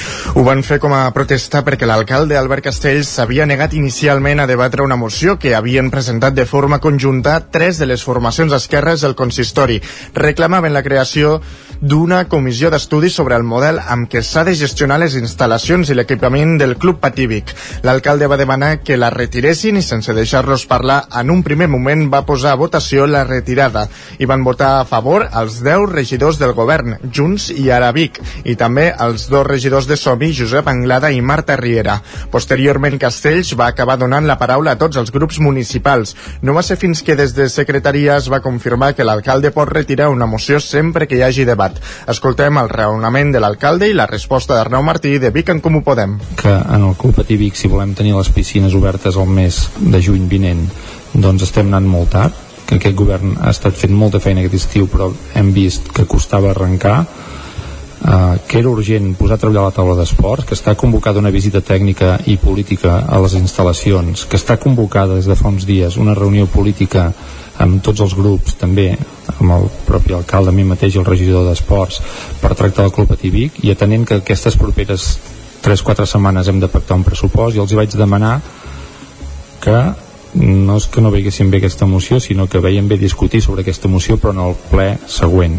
Que vostè avui vingui a fer aquests retrets, que veti la nostra veu, que veti la possibilitat de debatre. És que avui estava repassant la moció per veure què és el que realment els hi perjudicava tant, els hi preocupava tant que es pogués debatre en una comissió d'estudi sobre els models de gestió que hauria de tenir un equipament important per a aquesta ciutat com és el Perivic i fer-ho col·lectivament perquè les decisions al segle XXI en democràcia es fan de forma deliberativa es fan de forma conjunta amb tots els grups democràtics no amb l'extrema dreta es fa amb el conjunt de la ciutadania i és el que els estem defensant en aquesta moció tots els grups d'esquerres van coincidir a qualificar de poc democràtica o dictatorial la decisió de Castells de no deixar de batre la moció. Finalment, els nous regidors d'Esquerra, el PSC, la CUP i Vic, en Comú Podem, es van aixecar de les seves cadires i van abandonar el ple. Més qüestions, la campanya de vacunació contra la grip i la Covid-19 ja està en marxa a les residències de gent gran, Sergi. Salut preveu vacunar unes 2.000 persones en aquests centres a la comarca d'Osona entre professionals i usuaris de residències. Ara és la primera fase que fa incidència en les persones més vulnerables. A la campanya contra la grip també a partir del dia 16 s'inclouran per uh, primer cop els infants de 5 mesos a 6 anys, que a Osona són 4.561, i les persones fumadores. Rosa Planeses és la directora del sector d'Osona del Servei Català de la Salut i Marta Palou és la coordinadora de vacunació dels equips d'atenció primària d'Osona. Disminuir les malalties infeccioses, no? A més a més, eh, protegir les persones vulnerables i de retruc no, també una mica disminuir la càrrega assistencial dels professionals en aquesta època de l'any. I per això en principi no farem, no serem proactius perquè s'està fent la campanya institucional però sí que cap a mitjans de novembre, si veiem que les cobertures no són les desitjables o les esperades, sí que farem algunes accions proactives. La decisió de vacunar els més petits contra la grip és una recomanació de l'Organització Mundial de la Salut. Des del departament insisteixen en la importància de vacunar-se també de la Covid-19 malgrat hi pugui haver cert cansament per part de la població. Sheila Rada és infermera i referent de vacunes del Cap Vic Nord. Hem de protegir-nos nosaltres però també per protegir els altres i, i animar la gent a que es vacuni. Hem viscut una pandèmia i amb unes dificultats sanitàries jo crec molt greus com perquè ens en haguem adonat de, dels problemes que pot causar. Encara hi ha casos, hi ha casos greus, han disminuït molts perquè la majoria de gent ara té algun tipus d'immunitat, si bé perquè l'ha passat o bé perquè s'ha vacunat, però és important que, que continuem fent aquesta protecció, igual que ens vacunem de la grip cada any, un cop acabi la tasca, les residències s'habilitarà un punt de vacunació poblacional al Cap Vic Nord. Serà els dimecres. Qui hagi demanat cita prèvia per l'aplicació de la meva salut o a través del CAP ho podrà fer entre dos quarts de dotze i dos quarts d'una del migdia. I qui no tingui cita prèvia de dos quarts d'una a dos quarts de dues. Gràcies, Sergi. Més qüestions. Per primer cop a Cardedeu s'ha celebrat el Dia de la Gent Gran amb activitats i una representació al Teatre Auditori. Enric Rubio, Ràdio Televisió Cardedeu. Aquest diumenge 1 d'octubre s'ha celebrat per primera vegada el Dia Internacional de la Gent Gran. Al Teatre Auditori de Cardedeu s'han fet una sèrie d'activitats gratuïtes per a persones grans. Després de la benvinguda de l'alcalde Josep Quesada i del regidor de gent gran Jordi Abad, els assistents han gaudit d'una obra de teatre humorística i un pica-pica de cluenda. Ens ho explica Jordi Abad, regidor de la gent gran el Dia Internacional de la Gent Gran es celebra com altres, com altres dies eh, per commemorar i homenatjar a totes aquestes persones grans que durant molts anys doncs, han fet eh, han, han treballat molt per la societat. Eh, molts d'ells amb, amb 80 i pico d'anys o 90 doncs, van passar la guerra i és un dia doncs, per ells a més a més, la Fundació Viver de Belllloc ha iniciat un projecte d'acompanyament especialitzat en el procés de transició a la jubilació de persones afectades per envelliment prematur en el Centre Especial de Treball. Meritxell Oliva, integradora social, ens explica en què consisteix. Avui, dia 1 d'octubre, és el Dia Internacional de la Gent Gran i des de la Fundació Viver de Belllloc volem fer un reconeixement a totes aquestes persones usuàries amb discapacitat que estan afectades d'envelliment prematur perquè dia a dia, i tot i les dificultats que tenen, segueixen venint a treballar i segueixen dia a dia lluitant per tirar endavant. Aquest programa, finançat pel Departament d'Empresa i Treball de la Generalitat de Catalunya, permet un acompanyament individualitzat orientat a persones amb discapacitat i amb dificultats especials, posant a la persona al centre i fent-la partícip de la seva pròpia vida. Més qüestions. Aquests dies han començat les obres a la plaça 11 de setembre de Caldes de Montbui, encara al Vallès Oriental, que han de remodelar l'espai i substituir-ne bona part del mobiliari urbà. Els treballs han d'acabar també amb els problemes endèmics relacionats amb la humitat. Roger Rams, zona codinenca. Exacte, aquesta plaça del centre de Caldes de Montbui es va urbanitzar ara fa 23 anys i hi havia elements com ara els llistons de fusta que cobreixen bona part del terra que es trobaven en molt mal estat i suposaven un perill, sobretot per la gent gran que molt sovintment freqüenta aquest espai. Escoltem Jordi Martín, regidor d'Espais Públics de Caldes de Montbui. No es podia reparar i el que hem fet és optar per un altre sistema que és treure aquest paviment de fusta i col·locar-hi damunt una, una capa de sauló que farà que, aquest, eh, que aquesta plaça torni a ser absolutament accessible, agradable i eh, que ningú s'hi podrà entrebancar, que és evidentment l'ús al qual ha de tenir un, eh, un paviment en un espai públic.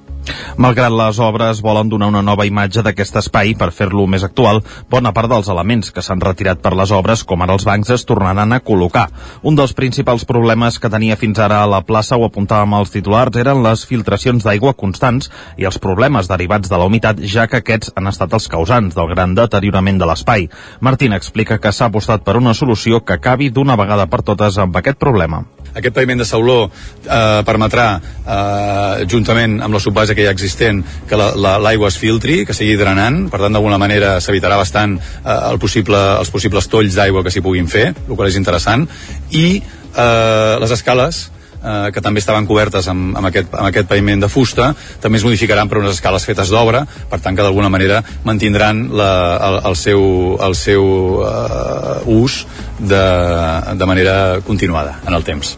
Els treballs s'espera que s'allarguin un mes, però a les properes jornades i coincidint amb la Festa Major de Caldes podria estar ja enllestida la primera fase de les obres que ja permetria poder fer ús de la plaça. Roger, no marxis encara perquè ens has d'anunciar una cosa. A qui entrevistem demà al Territori 17?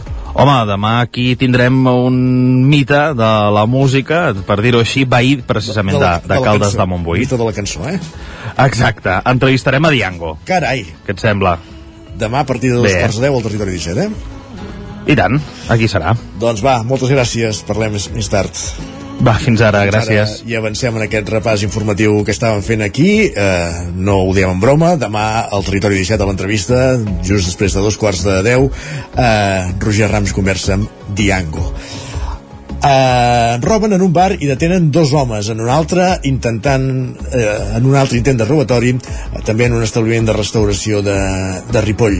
Va passar durant el cap de setmana i ens ho explica des de la veu de Sant Joan, l'Isaac Muntades. Cap de setmana de robatoris a la capital del Ripollès. La matinada de divendres a dissabte una operació conjunta entre la policia local de Ripoll i els Mossos d'Esquadra va permetre detenir dos homes per temptativa de robatori en un restaurant del barri vell de la vila i una agressió contra un agent policial que hi havia allà. Els lladres haurien volgut entrar a la piazzeta després de muntegar un parell de taules de la terrassa de l'establiment per tal d'accedir al balcó de l'hostal des de la plaça Nova, però van poder ser enxampats. En canvi, sí que van escapolir-se els lladres que la matinada de diumenge van entrar a robar al centre d'acollida turística de Ripoll, el CAT Can Guetes, que gestiona la Fundació MAP. El restaurant llavors era tancat, però sí que hi havia nombroses autocaravanes a l'aparcament de Can Guetes. Els lladres haurien entrat per la cuina i es van endur la caixa registradora que va ser trobada buida al voral del riu Ter. A causa del robatori, l'establiment va estar tancat fins al migdia del diumenge, ja que la policia local i els Mossos d'Esquadra van fer les investigacions pertinents per poder identificar els responsables. Demà a Diango i divendres va ser el torn, ja us explicàvem la setmana passada, dels Raiders of Canyon.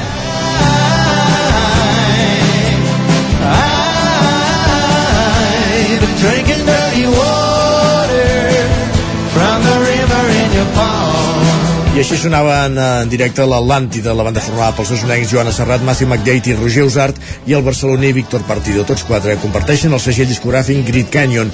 Divendres presentaven el seu primer disc a la sala Joaquim Maidó de l'Atlàntida, que va quedar plena, Sergi acompanyats de Toni Serrat a la bateria i després d'obrir el concert amb la cançó que dona nom a la formació i al disc, van tocar una quinzena de temes amb cançons conjuntes i també algunes de les seves trajectòries individuals i amb una proposta que veu de la música d'arrel d'origen americà, però en la qual també ressonen influències pop, rock, neofolk o country. Els Raiders, que estan aconseguint elogis unànimes de la crítica amb aquest treball, continuen la gira de presentació aquest dijous a Barcelona i el 19 de novembre a Terrassa. I ara sí, acabem aquí. Gràcies, Sergi. Acabem aquest repàs informatiu que començàvem al punt de les 10 en companyia de Sergi Vives, Isaac Muntades, Roger Rams i Enric Rubio. És moment al territori 17 de saludar de nou també el nostre home del temps, en Pep Acosta.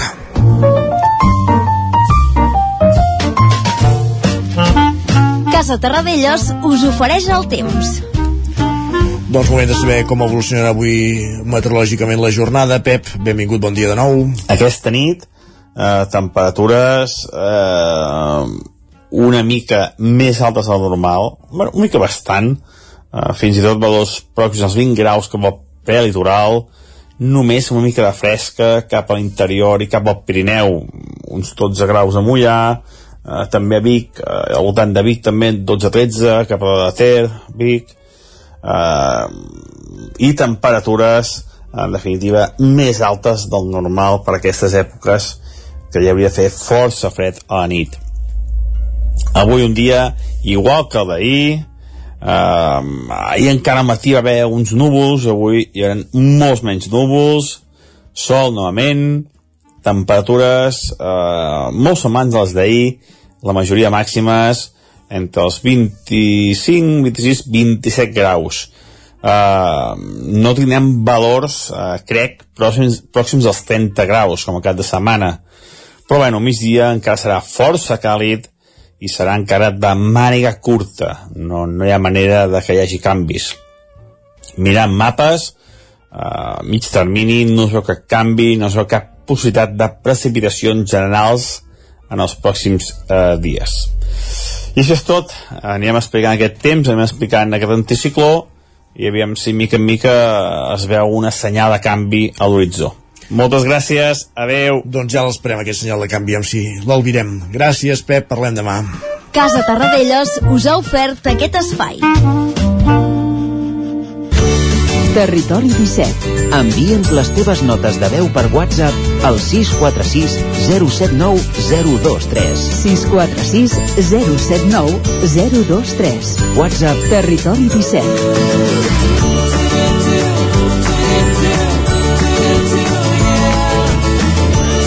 Territori 17. Som a Facebook, Twitter i Instagram amb l'usuari Territori 17.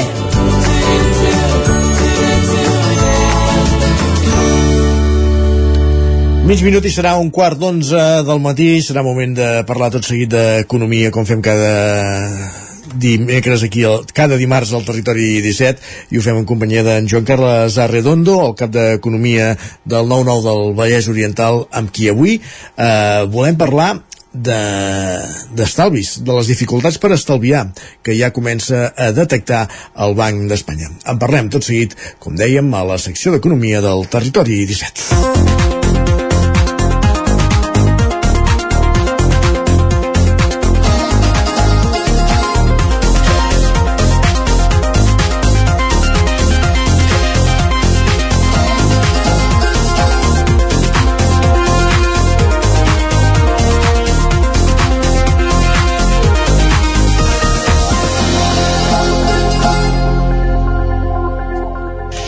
Doncs, com dèiem, temps per l'economia al territori 17 i ho fem com cada setmana en companyia d'en Joan Carles Redondo, que saludem a la, a la redacció del 9-9 del Vallès Oriental. Joan Carles, benvingut una setmana més. Bon dia. Bon dia. Avui, com dèiem, per parlar de, de les dificultats per estalviar que comença a detectar el Banc d'Espanya. Mm, per alguna cosa deu ser. Inflació, doncs... creixen preus... Sí, sí ten, tenen les dades, eh, diguem del Banc d'Espanya. Una mica al, al principi de la temporada passada, que ara estem al principi d'aquesta, però al principi de la temporada passada parlàvem del Jerome Powell. El Jerome Powell és el, el president de la Reserva Federal Americana. I advertia que les mesures que estaven previstes de, de, de tirar endavant a partir de, d'aquell ja, ja s'havien produït al juliol i diguem-ne que al setembre com que començava el curs eh, ell va, va, va començar va llançar un discurs en el qual deia que les mesures que prendrien a partir de, de llavors els, els bancs centrals europeus, eh, perdó, els bancs centrals internacionals, tots els bancs centrals, eh, causarien dolor eh, en la població i diguem-ne que mm, sembla que aquest dolor serà fins i tot més prolongat que el que es preveia no? Mm, efectivament, eh, hi ha un informe del Banc d'Espanya que alerta, i aquesta és la cita textual, eh, obrim cometes, eh, subsisteixen dubtes sobre la capacitat de l'estalvi acumulat per les llars durant la pandèmia per donar suport al consum privat en els pròxims trimestres. Aquí, com, com deia aquell, fin de la cita. Uh -huh. uh, això, diguem-ne que és un llenguatge una mica enrebaçat, eh? però, però diu que mm, això, mm, hi havia uns estalvis acumulats durant la pandèmia i que hi ha molts dubtes eh, sobre la possibilitat que aquests estalvis es puguin estirar prou temps eh? com, com per, per donar peu a la despesa. Aquí s'ha produït un, un, un doble càstig, eh? el doble clàssic són uns preus a l'alça en índexs desconeguts durant dècades, eh? recordem que estàvem amb doble dígit eh, més o menys aquestes alçades l'any passat doble dígit, eh, creixent inflacions del 10%, etc. i uns tipus d'interès que han adquirit l'accés als crèdits i això, aquestes dues coses eh, posen moltes famílies en risc de primer quedar-se sense estalvis i posteriorment quedar de, del que podrien dir vulnerabilitat no? Eh, segons els estudis, segons aquest informe del Banc d'Espanya, ja es troben en aquesta situació de vulnerabilitat 770.000 famílies. Aquesta situació de vulnerabilitat eh, queda definida perquè aquestes famílies no poden cobrir els pagaments eh, de l'habitatge, alimentació, subministraments i deutes, eh, els, el que es podrien considerar despeses bàsiques, amb, amb els ingressos que tenen, ni tan sols acudint als estalvis eh? és a dir, ni posant tots els ingressos i els estalvis eh, en un mes poden fer front a aquestes despeses, eh, despeses bàsiques diguem-ne no? és, és cert que aquesta situació extrema no és nova, ja existia abans eh? però eh, diguem-ne que entre els casos de vulnerabilitat que hi havia abans de la pandèmia i els que hi ha actualment hi ha 132.000 famílies més eh, que s'han afegit a aquesta situació de, de fragilitat diguem-ne que um, estem donant a entendre s'està veient que l'evolució és molt alcista eh, de 132.000 famílies que s'han incorporat sobre el, el total aquest de 770.000 dona un percentatge bastant, bastant destacat. Uh -huh. i aquest ja hauria de ser per si un mateix un motiu de preocupació però encara ho és més eh, perquè eh, eh, aquest problema es pot anar engrandint en els propers mesos. Tornem al, a l'informe del Banc d'Espanya. Hi ha 1,7 milions de famílies que sí que arriben a final de mes però que han d'acudir als estalvis eh, per, per poder pagar aquestes despeses habituals i per tant com que s'ha d'entendre que els estalvis no són il·limitats eh, la perspectiva és que aquest número de famílies que no arriben ni posant-hi els estalvis mm, s'aniran grandint. I s'aniran grandint perquè totes aquestes mesures, és a dir, mentre el, els preus continuen pujant de manera considerable i el, després ho explicarem la política dels bancs centrals és incrementar els, els, els interessos, diguem-ne, i llavors això es posa més dificultats afegides, no? O sigui, hi ha una doble escalada de preus. La frontera la pot marcar el, la durada d'aquest cicle expansiu de preus i dels tipus d'interès, eh? com més duri diguem aquesta, aquesta, aquest diguem doble càstig més famílies acabaran mm, quedant en aquesta situació de, de, vulner, de, de vulnerabilitat que, que apuntàvem no? Um, i diguem-ne que en aquest sentit no hi ha grans no hi ha molt bones notícies perquè la perspectiva és que aquesta durada mm, es perllongui eh? l'informe del Banc d'Espanya no dona per fet que el creixement de la inflació tingui una data de caducitat propera i la resposta dels bancs centrals, i entre aquests el Banc Central Europeu, ha estat a pujar els tipus d'interès, l'última vegada fa tot just 15 dies. No? Això és una mm, actuació de manual, eh? quan els preus pugen s'ha de refredar l'economia, però ja s'havia dit abastament, també ho havíem dit en aquest espai, el diagnòstic no era exactament el d'una economia rescalfada molts dels components que han vestit aquest creixement imparable dels preus no tenen a veure amb el consum. No és que la gent anés a comprar massivament i això hagi fet pujar els preus. De fet, en aquests últims mesos, gran part del creixement de la inflació no ve d'això de, de, de, de que les persones estiguin consumint molt, sinó factors incontrolables per als consumidors, com el creixement del preu del petroli. Eh? Això és el que ens estan dient, almenys, que està passant ara, mm, que està creixent molt els preus perquè el petroli està pujant molt. Um, i per això estem parlant de que hi ha un doble càstig, no? O, o que hi ha molt de dolor, com, com anunciava el Jerome Powell fa, fa poc més d'un any. Encara que el consum es freni, els preus continuen pujant i com que els preus pugen, els bancs centrals incrementen els tipus d'interès i això fa un perjudici sobre les famílies que ja estaven afectades per aquest increment de, de, del, del preu de la cistella de la compra. I això també s'afegeix que han de pagar més per les hipoteques si per poder consumir necessita algun crèdit l'haurà de pagar a preu molt elevat eh, ahir ja s'estaven ja, llegíem no? que, que, que alguns d'aquests eh, crèdits estan eh, referenciats a, a preus per sobre del 10% no? eh, la conseqüència de tot plegat és que el consum que de fet ha estat un factor essencial en, el, en, en l'etapa de creixement del PIB després de la pandèmia eh, s'acabarà ressentint amb menor consum l'economia tendirà o bé a l'atonia i el, a una evolució plana o bé en el pitjor dels casos a contraure's el que ha anat passant els últims mesos segons el Banc d'Espanya anticipa una situació per dir-ho suau eh, complexa. Eh, amb, amb una mica de vista enrere es podrà comprovar com la impossibilitat de consumir durant el 2020 havia portat els estalvis dels residents a l'Estat a xifres molt elevades, eh, un 17,6% de la renda disponible global. expliquem això de la renda disponible global, eh, és la, la suma de tots els, la suma del que tots els residents de l'Estat tenen a disposició, eh, a la butxaca, diguem-ne, una vegada han pagat els impostos i les cotitzacions. Doncs eh, del global de tots els residents de l'estat espanyol hi havia un, un 16,6% que es destinava a l'estalvi. En els anys posteriors, com que la despesa va, va, va pujar molt, els estalvis van quedar amb un 7,2%, perquè molta gent va aprofitar aquests estalvis per avançar hipoteques, um, liquidar crèdits, etc. Eh? i això va, posar, va, va fer que els estalvis baixessin molt i es van quedar en el 7,2 el 2022 compte per, però a menysprear la responsabilitat de les famílies que estan demostrant que són prou previsores. Sí. en, el moment, en el moment que han aparegut aquests primers núvols negres sobre l'economia els estalvis han tornat a créixer. En el primer trimestre de l'any, és l'últim amb dades disponibles els estalvis havien crescut fins a l'11,8% i per tant estan tornant a créixer tot i que la xifra deu haver baixat perquè eh, aquest ha estat un estiu que no podríem dir que, que, que hagi estat de renúncies s'està podent constatar que les famílies s'estan preparant per una situació mm, més crua a l'hivern.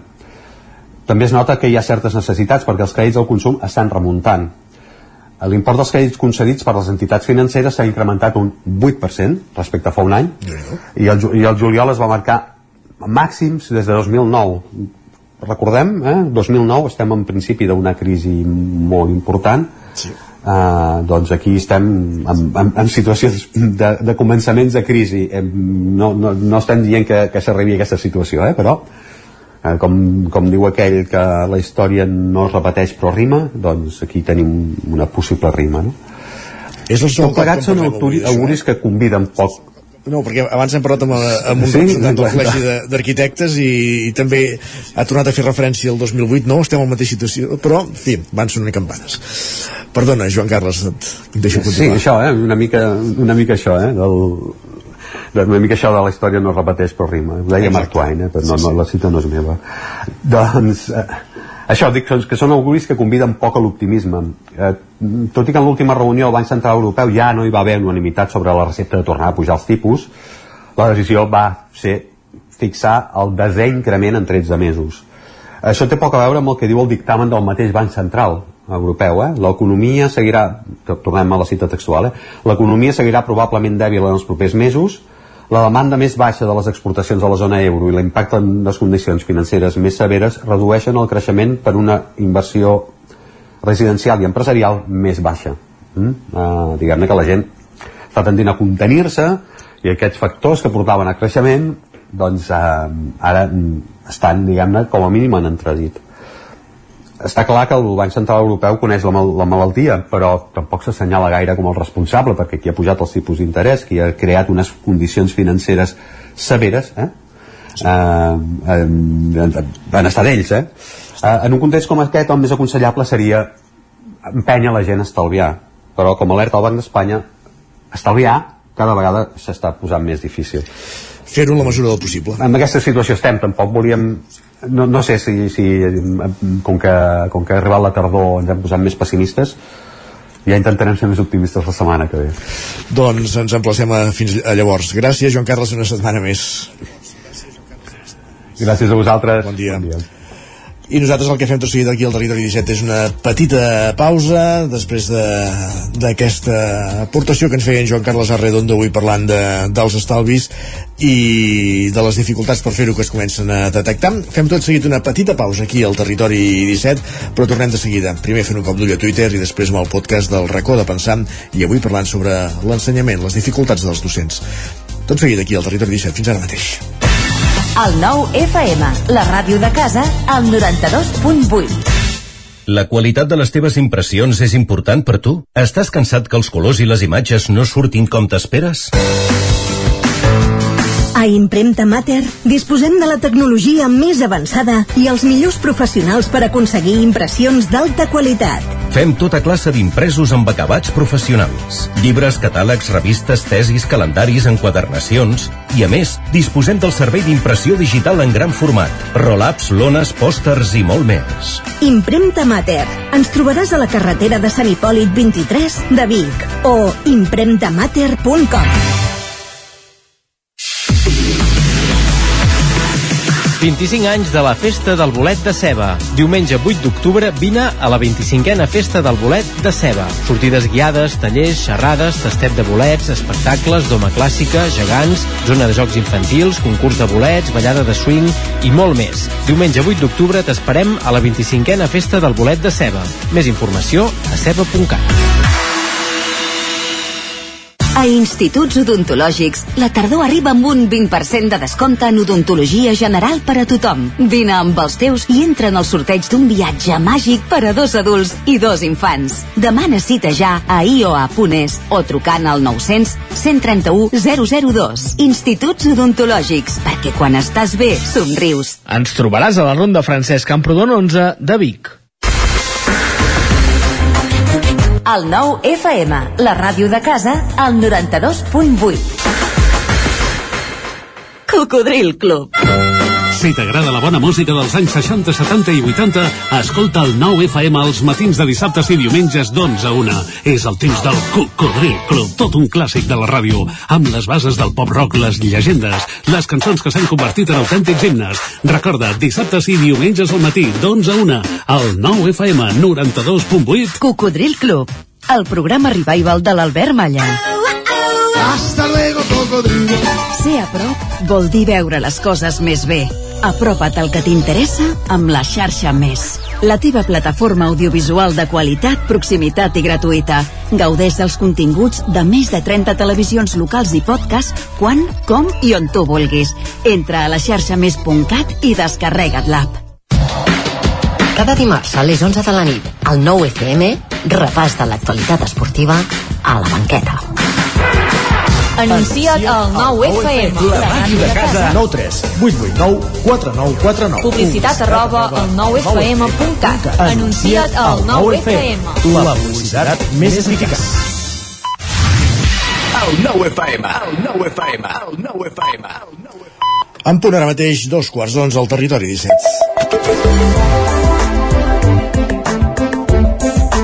I a aquesta hora al territori 17 és moment de saludar com cada dia en Guillem Sánchez. Benvingut.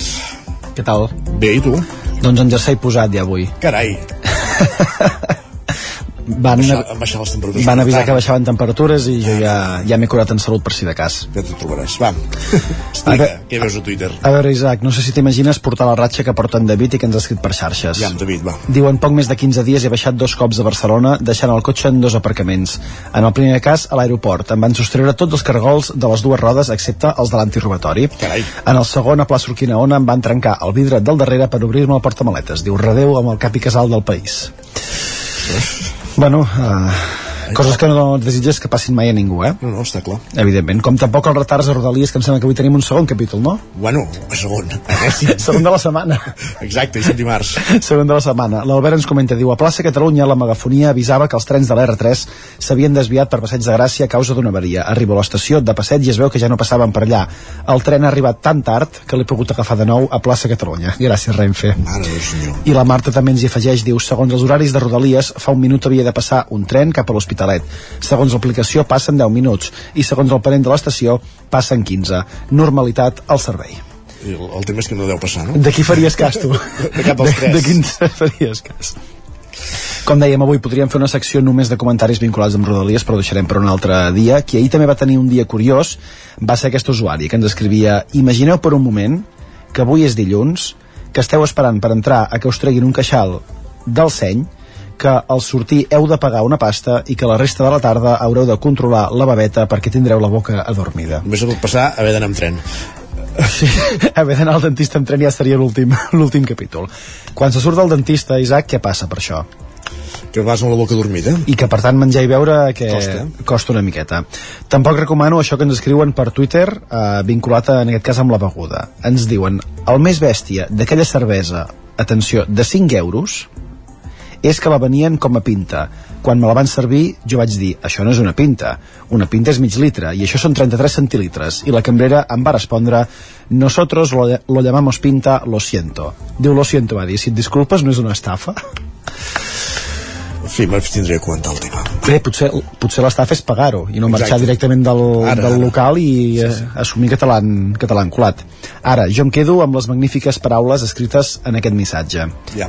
Hi ha cunyats i cunyats. i després hi ha el meu, que m'acaba de portar 4 quilos de rovellons by the face. Molt bé, aquest cunyat, home.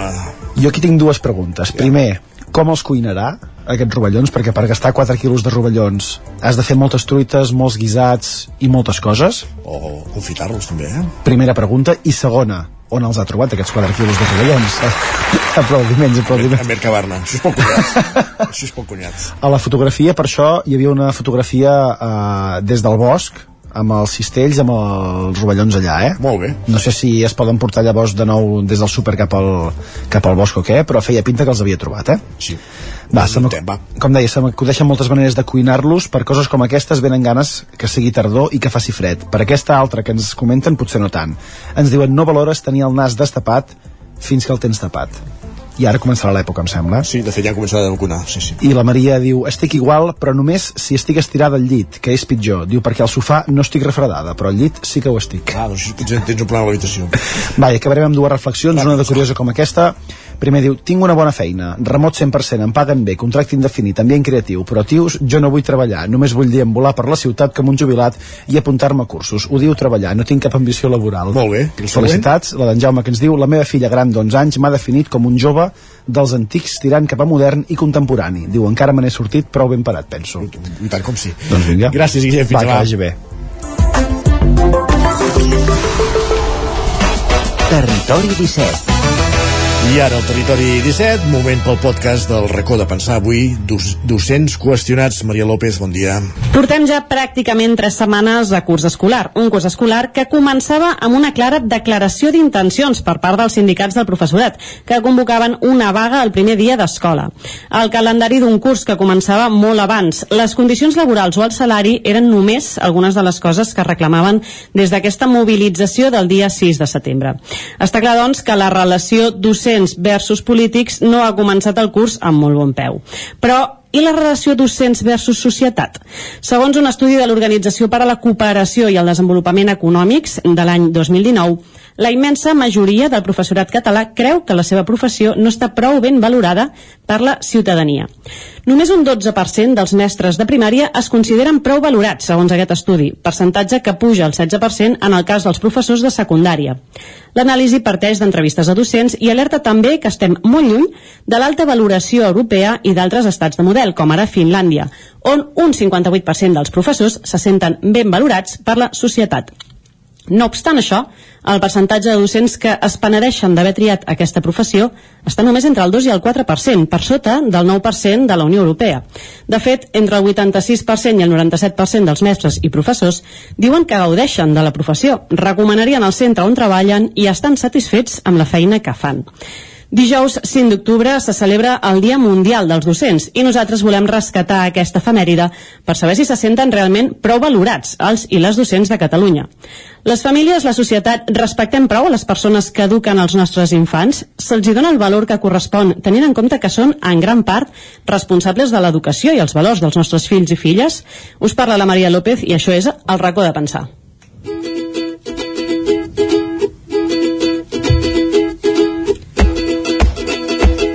El racó de pensar, des de Ràdio Cardedeu. I per parlar de docència i de com se senten els docents i les docents, doncs, evidentment, tenim a l'estudi tres professors i professores per fer tertúlia. D'una banda ens acompanya la Vanessa Soro, ella és cap d'estudis de l'Escola Can Manent de Cardedeu. Molt bon dia, Vanessa. Hola, bon dia. Ens acompanya també l'Àlex Salleres, ell és director de l'Institut Pla Marcell de Cardedeu. Bon dia, Àlex. I tenim en, eh, també amb nosaltres en Josep Cortada, ell és director de l'Escola Les Aigües de Cardedeu. Hola a tothom, què tal? Doncs eh, no sé si ara que heu pogut sentir una mica aquesta intro, la pregunta d'arrencada, així, i a qui vulgui, i a dojo al coll. Us sentiu valorats i valorades? Ja, ja, la Vanessa ja riu. Ai. Ai. Ja, ja, hem, hem fet dos enfocaments, eh? D'entrada, política i societat. Comencem per la, per la complicada, comencem per la política. Us sentiu valorats per la classe política del nostre país? I abans que fessis aquesta intro anava a dir, clarament sí. Si fas aquesta dissertació, mm. aquest sí és condicional, però potser l'Àlex i la Vanessa volen començar. Jo, per part de, de, la, de la classe política, no. Per part de la societat, doncs, bueno, en podríem parlar. A nivell general també diria que, que seria molt millorable i a nivell particular, si parlem del tracte més personal, no? tutor o mestre, mestra mm, aquí és on pots, pots sentir-te més valorada amb el tracte tu a tu però a nivell general, ostres, jo penso que si fem una anàlisi de com es valoraven els mestres fa, jo què sé, 50 anys a dia d'avui, quin és el, el valor que es té o la idea o la consciència que es té de, de, de què és un mestre, bueno, penso que, que hem anat a menys, vaja. Que ha disminuït aquesta... Sí, tot i, que, tot i que penso que l'exigència cap a nosaltres ha augmentat eh, infinitament, infinitament. Àlex. Sí, a la, a la que obrim una miqueta el focus mm, no ens sentim valorats del tot no? a la mínima que ens anem apropant a, a les famílies de l'escola veiem que hi ha una corresponsabilitat molt gran es valora molt la feina el dia a dia però sí que és veritat que a la que ens allunyem no, no, no, no tenim aquest feedback positiu cap a la nostra feina. Això és, així és com ho veig jo. També és veritat que mm, cada vegada en aquest sac no, de, dels docents hi, hi va arribant més encàrrecs, més feina, eh, més cosetes que se suposa que hem de fer eh, que hem de fer nosaltres i que nosaltres entomem, eh, però a vegades les entomem sem, amb el condicionant de ei, però això ho fem plegats. I a vegades aquest plegats no, no és, no? a vegades aquest plegats amb, amb l'administració amb les famílies eh, doncs no, no, no existeix Una no? cosa I- trontolla, sí. Sí, sí, sí. I a I- més, cada, no, no, cada vegada ja no només has d'ensenyar i poso les cometes, sinó que has d'arribar a, a molts més llocs i tindre, mol, tindre molts aspectes en compte, no? Temes ja no relacionats només amb la pedagogia, sinó amb la, jo que sé, amb l'acompanyament emocional, no? Pa- Pareix que ara has de ser terapeuta, has de ser psicòleg, has de ser pedagog en totes les àrees, has de ser eh, especialista en diversitat, has de ser administratiu també, perquè a vegades no, se generen papeletes a l'hora d'administrar recursos o de repartir recursos, que és un moment, que, que, que jo he fet magisteri 3 anys, vull dir que no... Bueno, no ho sé, jo estic molt d'acord amb ell, el sac cada vegada se'ns fa més gran i hem d'arribar a tot arreu i molt bé, i amb moltes coses. Jo coincideixo bastant amb, amb el que deies Àlex i tu també Vanessa amb el sentit del foc, on posem el focus no? penso que amb el nostre dia a dia i, i quan veus que la satisfacció general i més en un entorn de Cardedeu no? amb uns centres educatius que treballem amb xarxa, que tenim una proximitat que hi ha una satisfacció general de, de totes les famílies no? i veus que, que sí que hi ha una bona valoració no? i que hi ha una satisfacció diària perquè ho veus doncs, a- des de que els somriures al matí quan entra tothom o els somriures quan se'n van a la tarda o els agraïments que fins i tot et fan en algun moment determinat algunes famílies no? per escrit, ja sigui amb, amb, per correus electrònics o personalment i aquí sí que és aquests moments que dius ostres sí, estem fent bé, anem, anem, anem per bon camí, però a vegades quan aquest focus l'obres una mica no? i fem aquestes valoracions socials no? de, de, de com està l'educació en general al país o a Europa o a nivell internacional, és quan sí que t'adones de, de que potser aquesta valoració no, no hi és, no? Per totes aquestes tasques que ens estan caient, que totes aquestes de, que deies, Vanessa, a més a més, s'hi han d'incloure les sanitàries, és a dir, com actuem amb, amb diabetes, com actuem amb multial·lèrgies, com actuem amb, amb, amb infants amb problemes de salut diaris no? i que també ens toca interactuar amb nosaltres. I com entomem tot el que ens cau cada dia. I aquí ve l'altre focus que és el que, el que la Maria de la, a, la, a la introducció. Eh, com ens valora la classe política? Més que com ens valora jo penso que ens deuen valorar molt bé amb tot el que ens encarreguen cada, cada, cada Home, si no, no hi ha qui de confiar molt, no? Si no, si no ens valoressin ja seria ja... El problema no és que ens valorin o que no ens valorin, el problema és que penso que ens estan explotant. Ens estan exprimint. Explotant amb el sentit de que ens està caient de tot cada dia i més, no? I, i ara sí que parlo del Departament de- d'Educació, no? Tenim, tenim un, un departament que viu molt, molt de, de cara, de cara a la galeria, de cara, de cara a, a, fer plans de millores, a fer plans de, a la que es detecta un problema d'assetjament amb un institut en concret, fem tots un pla, tot Catalunya contra l'assetjament escolar i vinga, no? I, i el, fem, fem llibres redactats, eh? fem molts escrits Sí. sobre 10.000 protocols, sobre X temes, però realment al, a la pràctica real, el dia que un dia te salta l'alarma i comences a, a, a despenjar telèfons i truques al CAP, i truques a la família, i truques al departament, i truques a l'inspector, eh, ja no se tiren tant els... Vull dir, sobre paper Sí, Sí, per, per, per justificar d'alguna manera on, on, on s'han anat d'alguna manera els diners invertits en, estan els protocols redactats, no? I, I perdona que t'he tallat. No, no, no, però, però m'has quedat molt bé. Però, per exemple, no, ara el tema del bullying, que és un tema que, que, que en podríem parlar molt a fons, perquè del bullying se'n llega la salut mental dels infants, i jo no sé vosaltres, però jo, jo sento que de fa 15 anys cap aquí el tema de la salut mental amb la infància i amb l'adolescència, ojo, cuidao, eh? cap a on estem anant, perquè vull dir, jo veig, veig, veig, veig problemàtica, veig, veig infants i adolescents que no estan bé i veig que, que darrere potser de, de casos de bullying hi poden haver 10.000 protocols però tu el dia que tens un crió que no sé, t'arriba a l'escola i te diu "Mm, he estat pensant en no sé què què no sé què cosa ha estat pensant, però pensaments d'aquests que et preocupen, i llavors tu comences a... i dius, bueno, què faig? Si tindràs protocols molt bonics, però quan truques al departament, o quan truques al CAP, o quan truques a, a l'EAP, o quan truques a... Però la realitat te l'estàs trobant tu Clar, allà la en una classe que- ara. Exacte. I la pregunta és, has seguit el protocol? Exacte. I dius, sí, bueno, ja he, ja he arribat al punt número 8 del protocol, però jo ara necessito que algun especialista que en sàpiga més que jo vingui, vingui a parlar amb aquesta criatura. No em digui que m'adreci a un altre protocol on em dirà què és el que he de fer. No, no.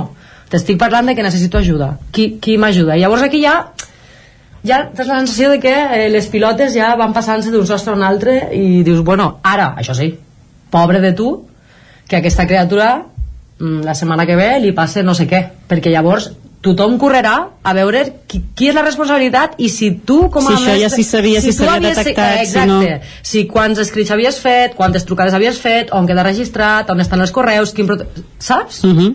llavors aquí correria tothom El que ens passa també és que han dimensionat a les escoles d'una manera molt singular. Hi, hi ha molts mestres, molts profes, no? El 98% de les plantilles de les escoles són profes i són mestres, que està molt bé, però clar, eh, maneguem moltes situacions en què ens calen eh, altres experteses que no tenim no? Amb salut mental sabem que és un iceberg que el tenim allà que l'hem d'abordar que l'estem abordant i que tenim els recursos que tenim però si ens anem al dia a dia un docent que se li encarrega una coordinació digital gestiona un volum de maquinari que en qualsevol empresa mm, petita mitjana hi hauria un departament amb tres informàtics Uh -huh. no? i nosaltres estem parlant de 3 hores de dedicació setmanal no?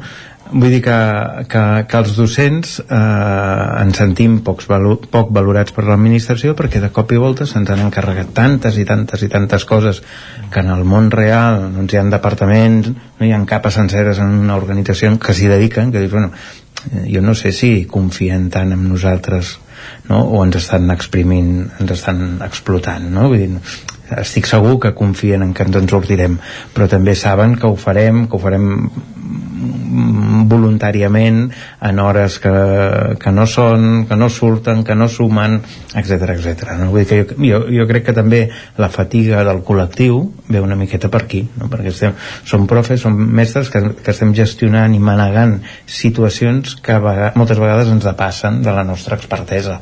Però què, què penseu que és el que ha passat? Que rescato una mica la, una comparativa que ha fet de, de punt de partida la Vanessa, que és uh, fa uns anys la imatge o la, la persona del professor, la posició del professor o professora potser estava respectada d'una manera que sembla que, que més respectava que ara, tot i que la llista de responsabilitats que s'us carreguen ara és molt més alta, perquè abans segurament els docents només es vinculaven al que és el contingut curricular.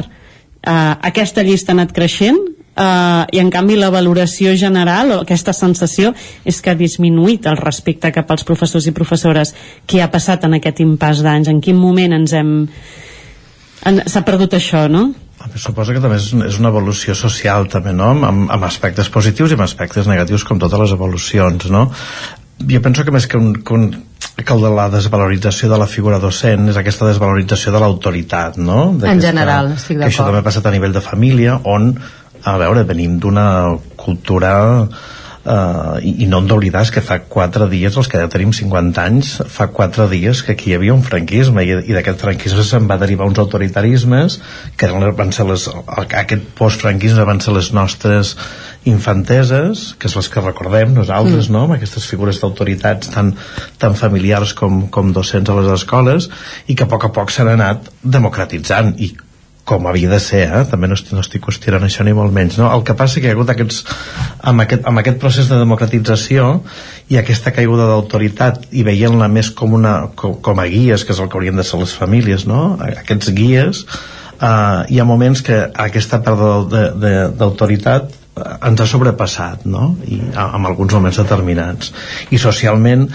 algú també ens ha concebut, sobretot des de l'escola pública, algunes famílies ens han concebut que, eren, que, que eren uns clients d'un servei no? en lloc de ser uns usuaris i el problema és aquest, no? quan tu tens una família parlo en general, eh? no, no, no, jo Cardedeu penso que en general no, no passa però sí que si fem aquest anàlisi més global hi ha hagut famílies que han concebut l'escola com a clients i no com a usuaris d'un servei públic i doncs quan tu com ets client és allò del qui paga mana no? i com que jo pago i pago els meus impostos mm. i el teu sou surt dels meus impostos Això em dona un dret tinc no? dret a exigir el que a mi em sembla que t'exigir no? i hi ha coses que són exigibles evidentment i s'han d'exigir a l'escola pública però hi ha coses que no i aquí és quan penso que hem entrat amb aquest desdibuixament de l'autoritat i d'aquesta pèrdua de, de reconeixement social Sí, estic d'acord amb tu. Penso que també aquesta pèrdua d'autoritat segurament ha sigut a nivell general, eh? no només els mestres, sinó, jo que sé, la policia, potser, uh Mhm. -huh. segurament, no? Uh Mhm. -huh. Les figures de policies pues, fa X anys, també, com tu dius, venien d'un franquisme i, bueno, i segurament també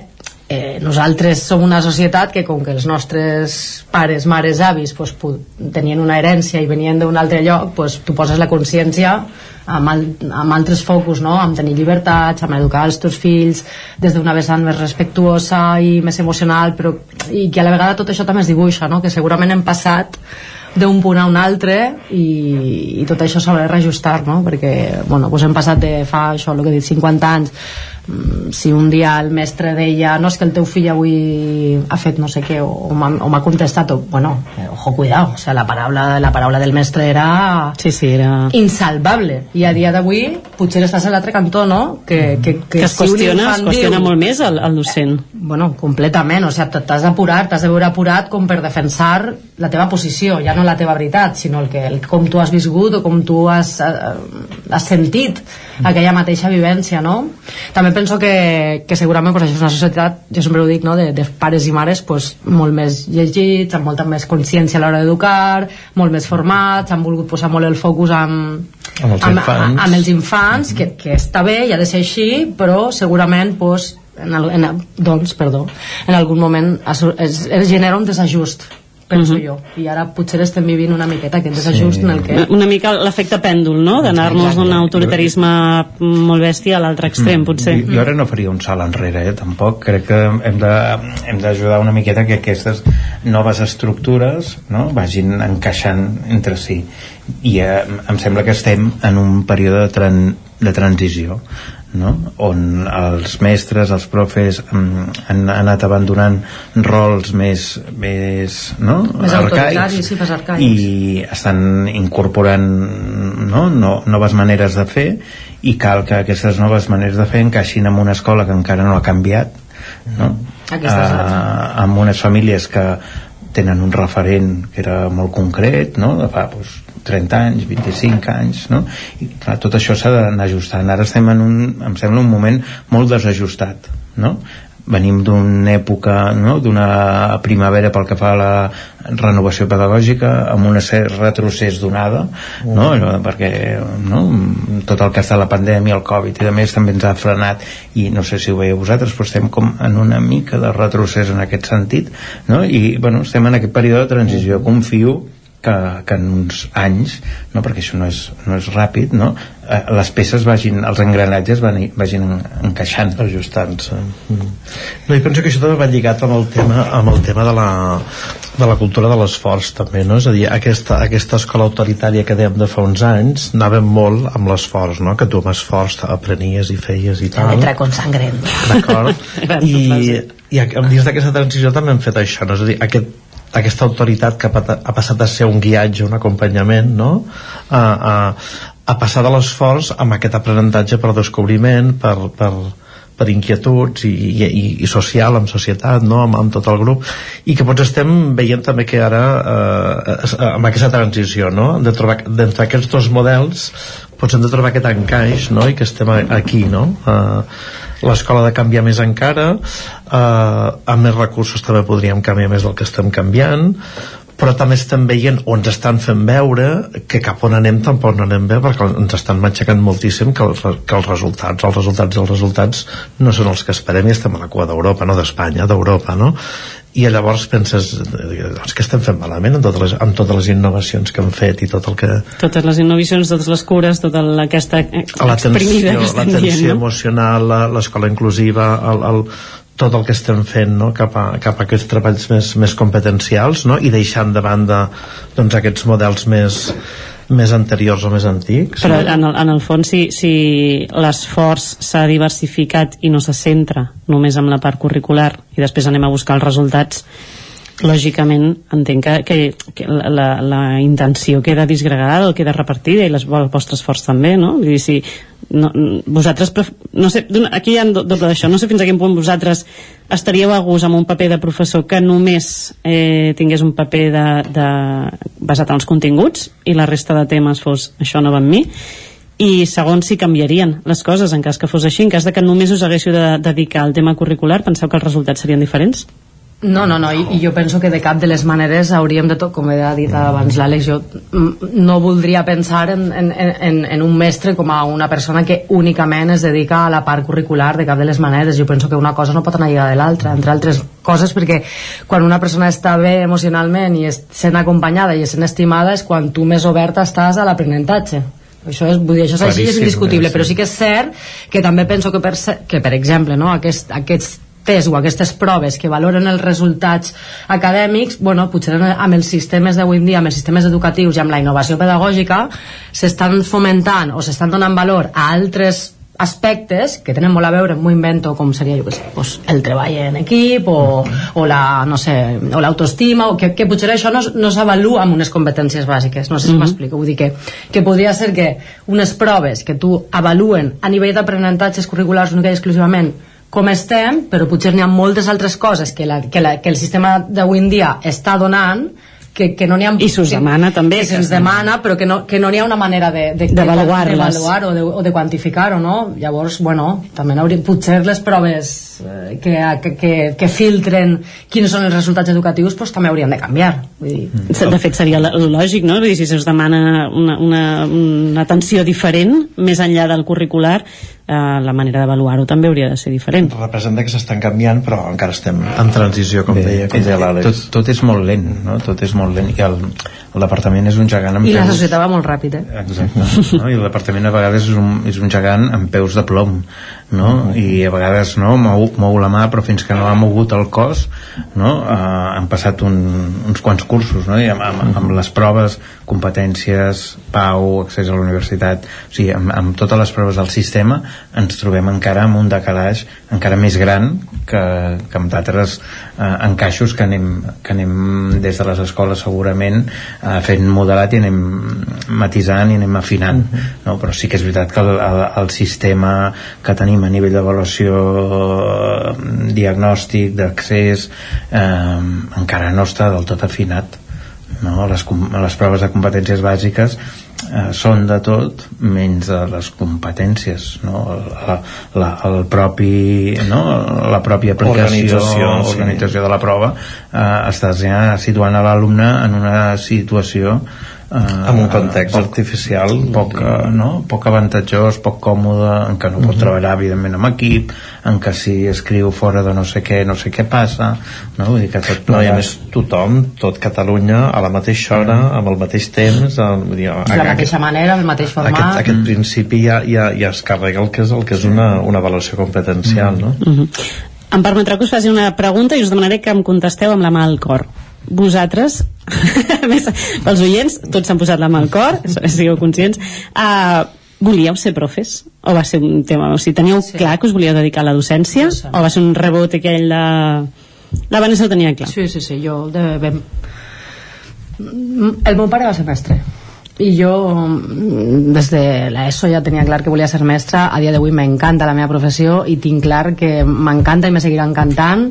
I penso que per sort malgrat puga sentir que a nivell general o a nivell polític mm, penso que la feina de mestre no està tan valorada com, com ho hauria d'estar sí que és cert que jo penso que els tres estem d'acord que després amb les distàncies curtes eh, els infants, la canalla, les famílies són el que et fan aixecar-te dia a dia. Vaja, almenys en el meu cas doncs amb aquesta gran frase de la Vanessa, les famílies i les criatures són les que us fan aixecar-vos dia a dia.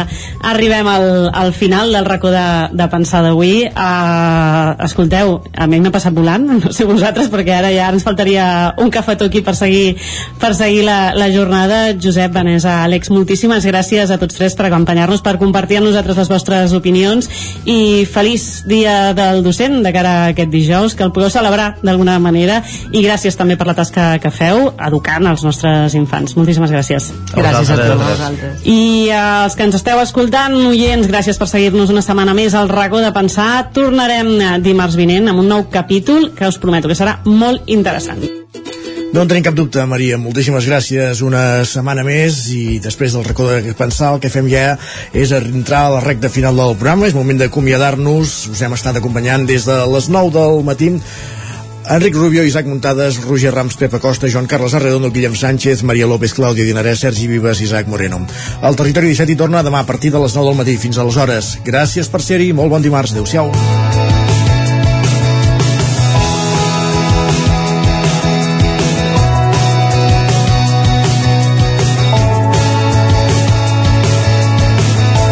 Territori 17, un magazín del nou FM, Ona Codinenca, Ràdio Cardedeu, Ràdio Vic i La Veu de Sant Joan, amb el suport de la xarxa.